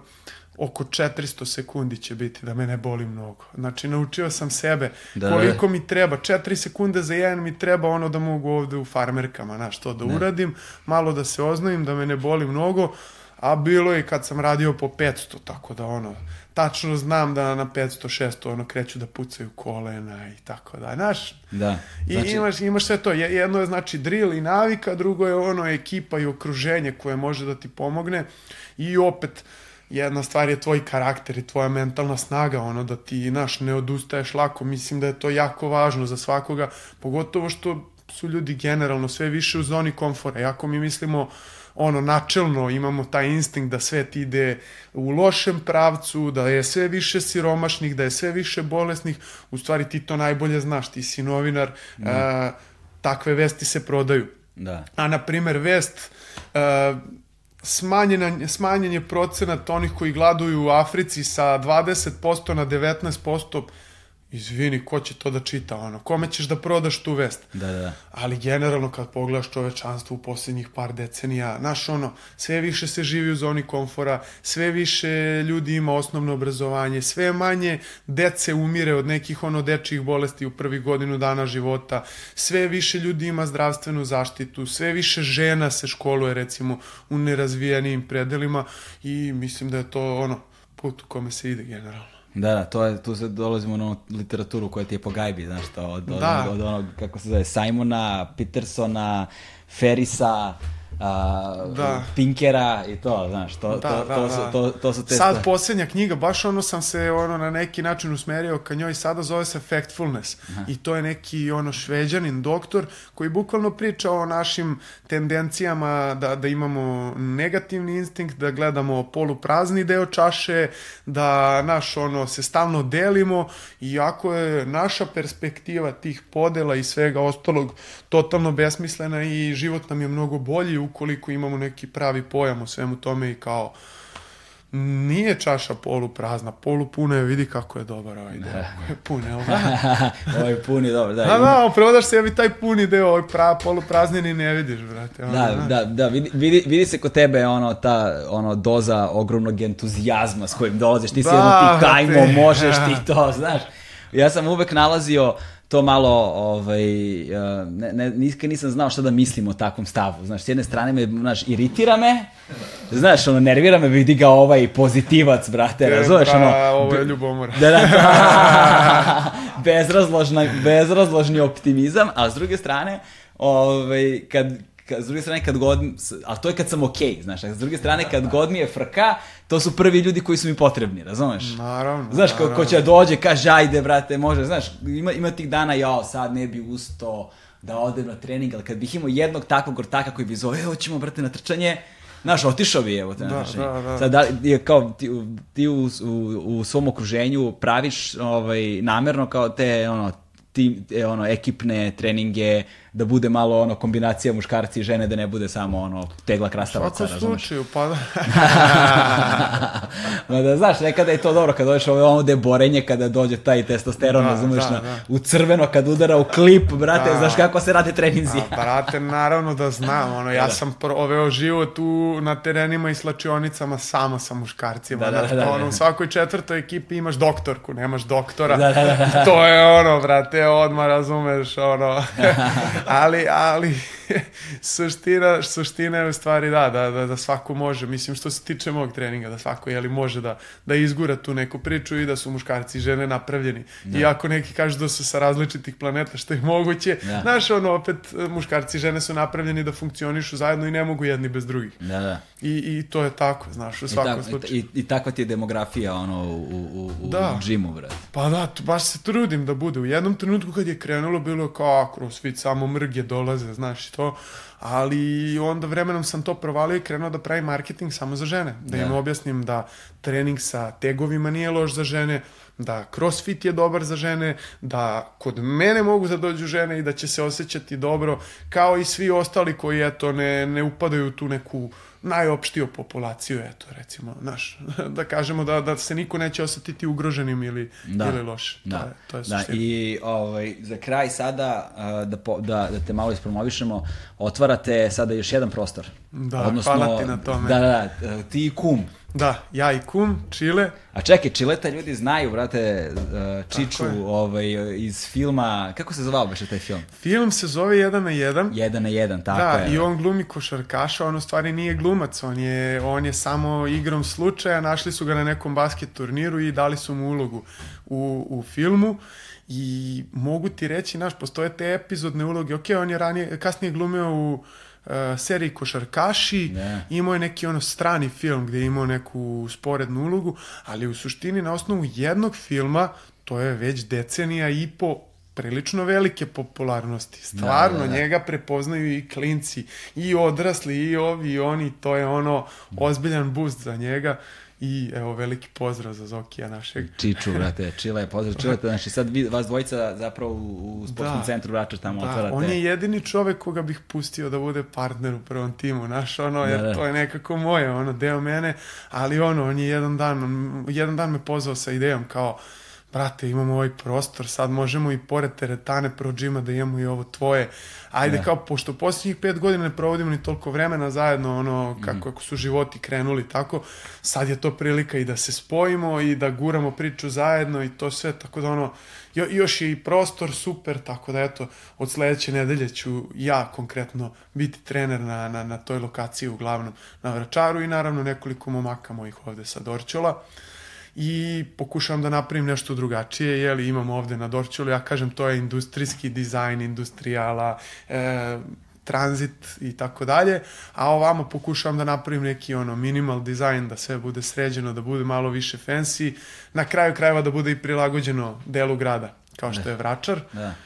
Tako da, eto, to je, to je ono, to je neki projekat koji je sada na meniju i nekako gledam da sad sa krajem ove nedelje završim dosta tih nekih velikih stvari, barem da ono jedno poglavlje završim da bi mogao sad svojih 100% sledećih par meseci da dam u svemu ovome, znaš. Super, brate, hvala ti puno na Ja, vremenu. hvala i tebi, prijela mi ova priča. na, na razgovoru. A, dakle, Vuk, jedan Vuk, kanal na YouTube-u, Instagram account, stavit ću linkove u opisu videa a, i naravno na našim audio platformama, a nas možete podržati mesečnim pretplatama preko Patreona, jednokratnim uplatama preko Paypala I ne zaboravite naravno na akciju koju Red Bull organizuje sa Ivanom Španović, dakle treniraj sa Ivanom, snimite sebe kako skačete u dalj, tagujte Ivanu i Red Bull, Red Bull Republike Srbije, alate na Instagramu, najboljih 10 momaka i devojaka će biti izabrani, trenirat će sa Ivanom i 2021. godine idete sa njome na evropsko prvenstvo. Bam, to je to, hvala puno.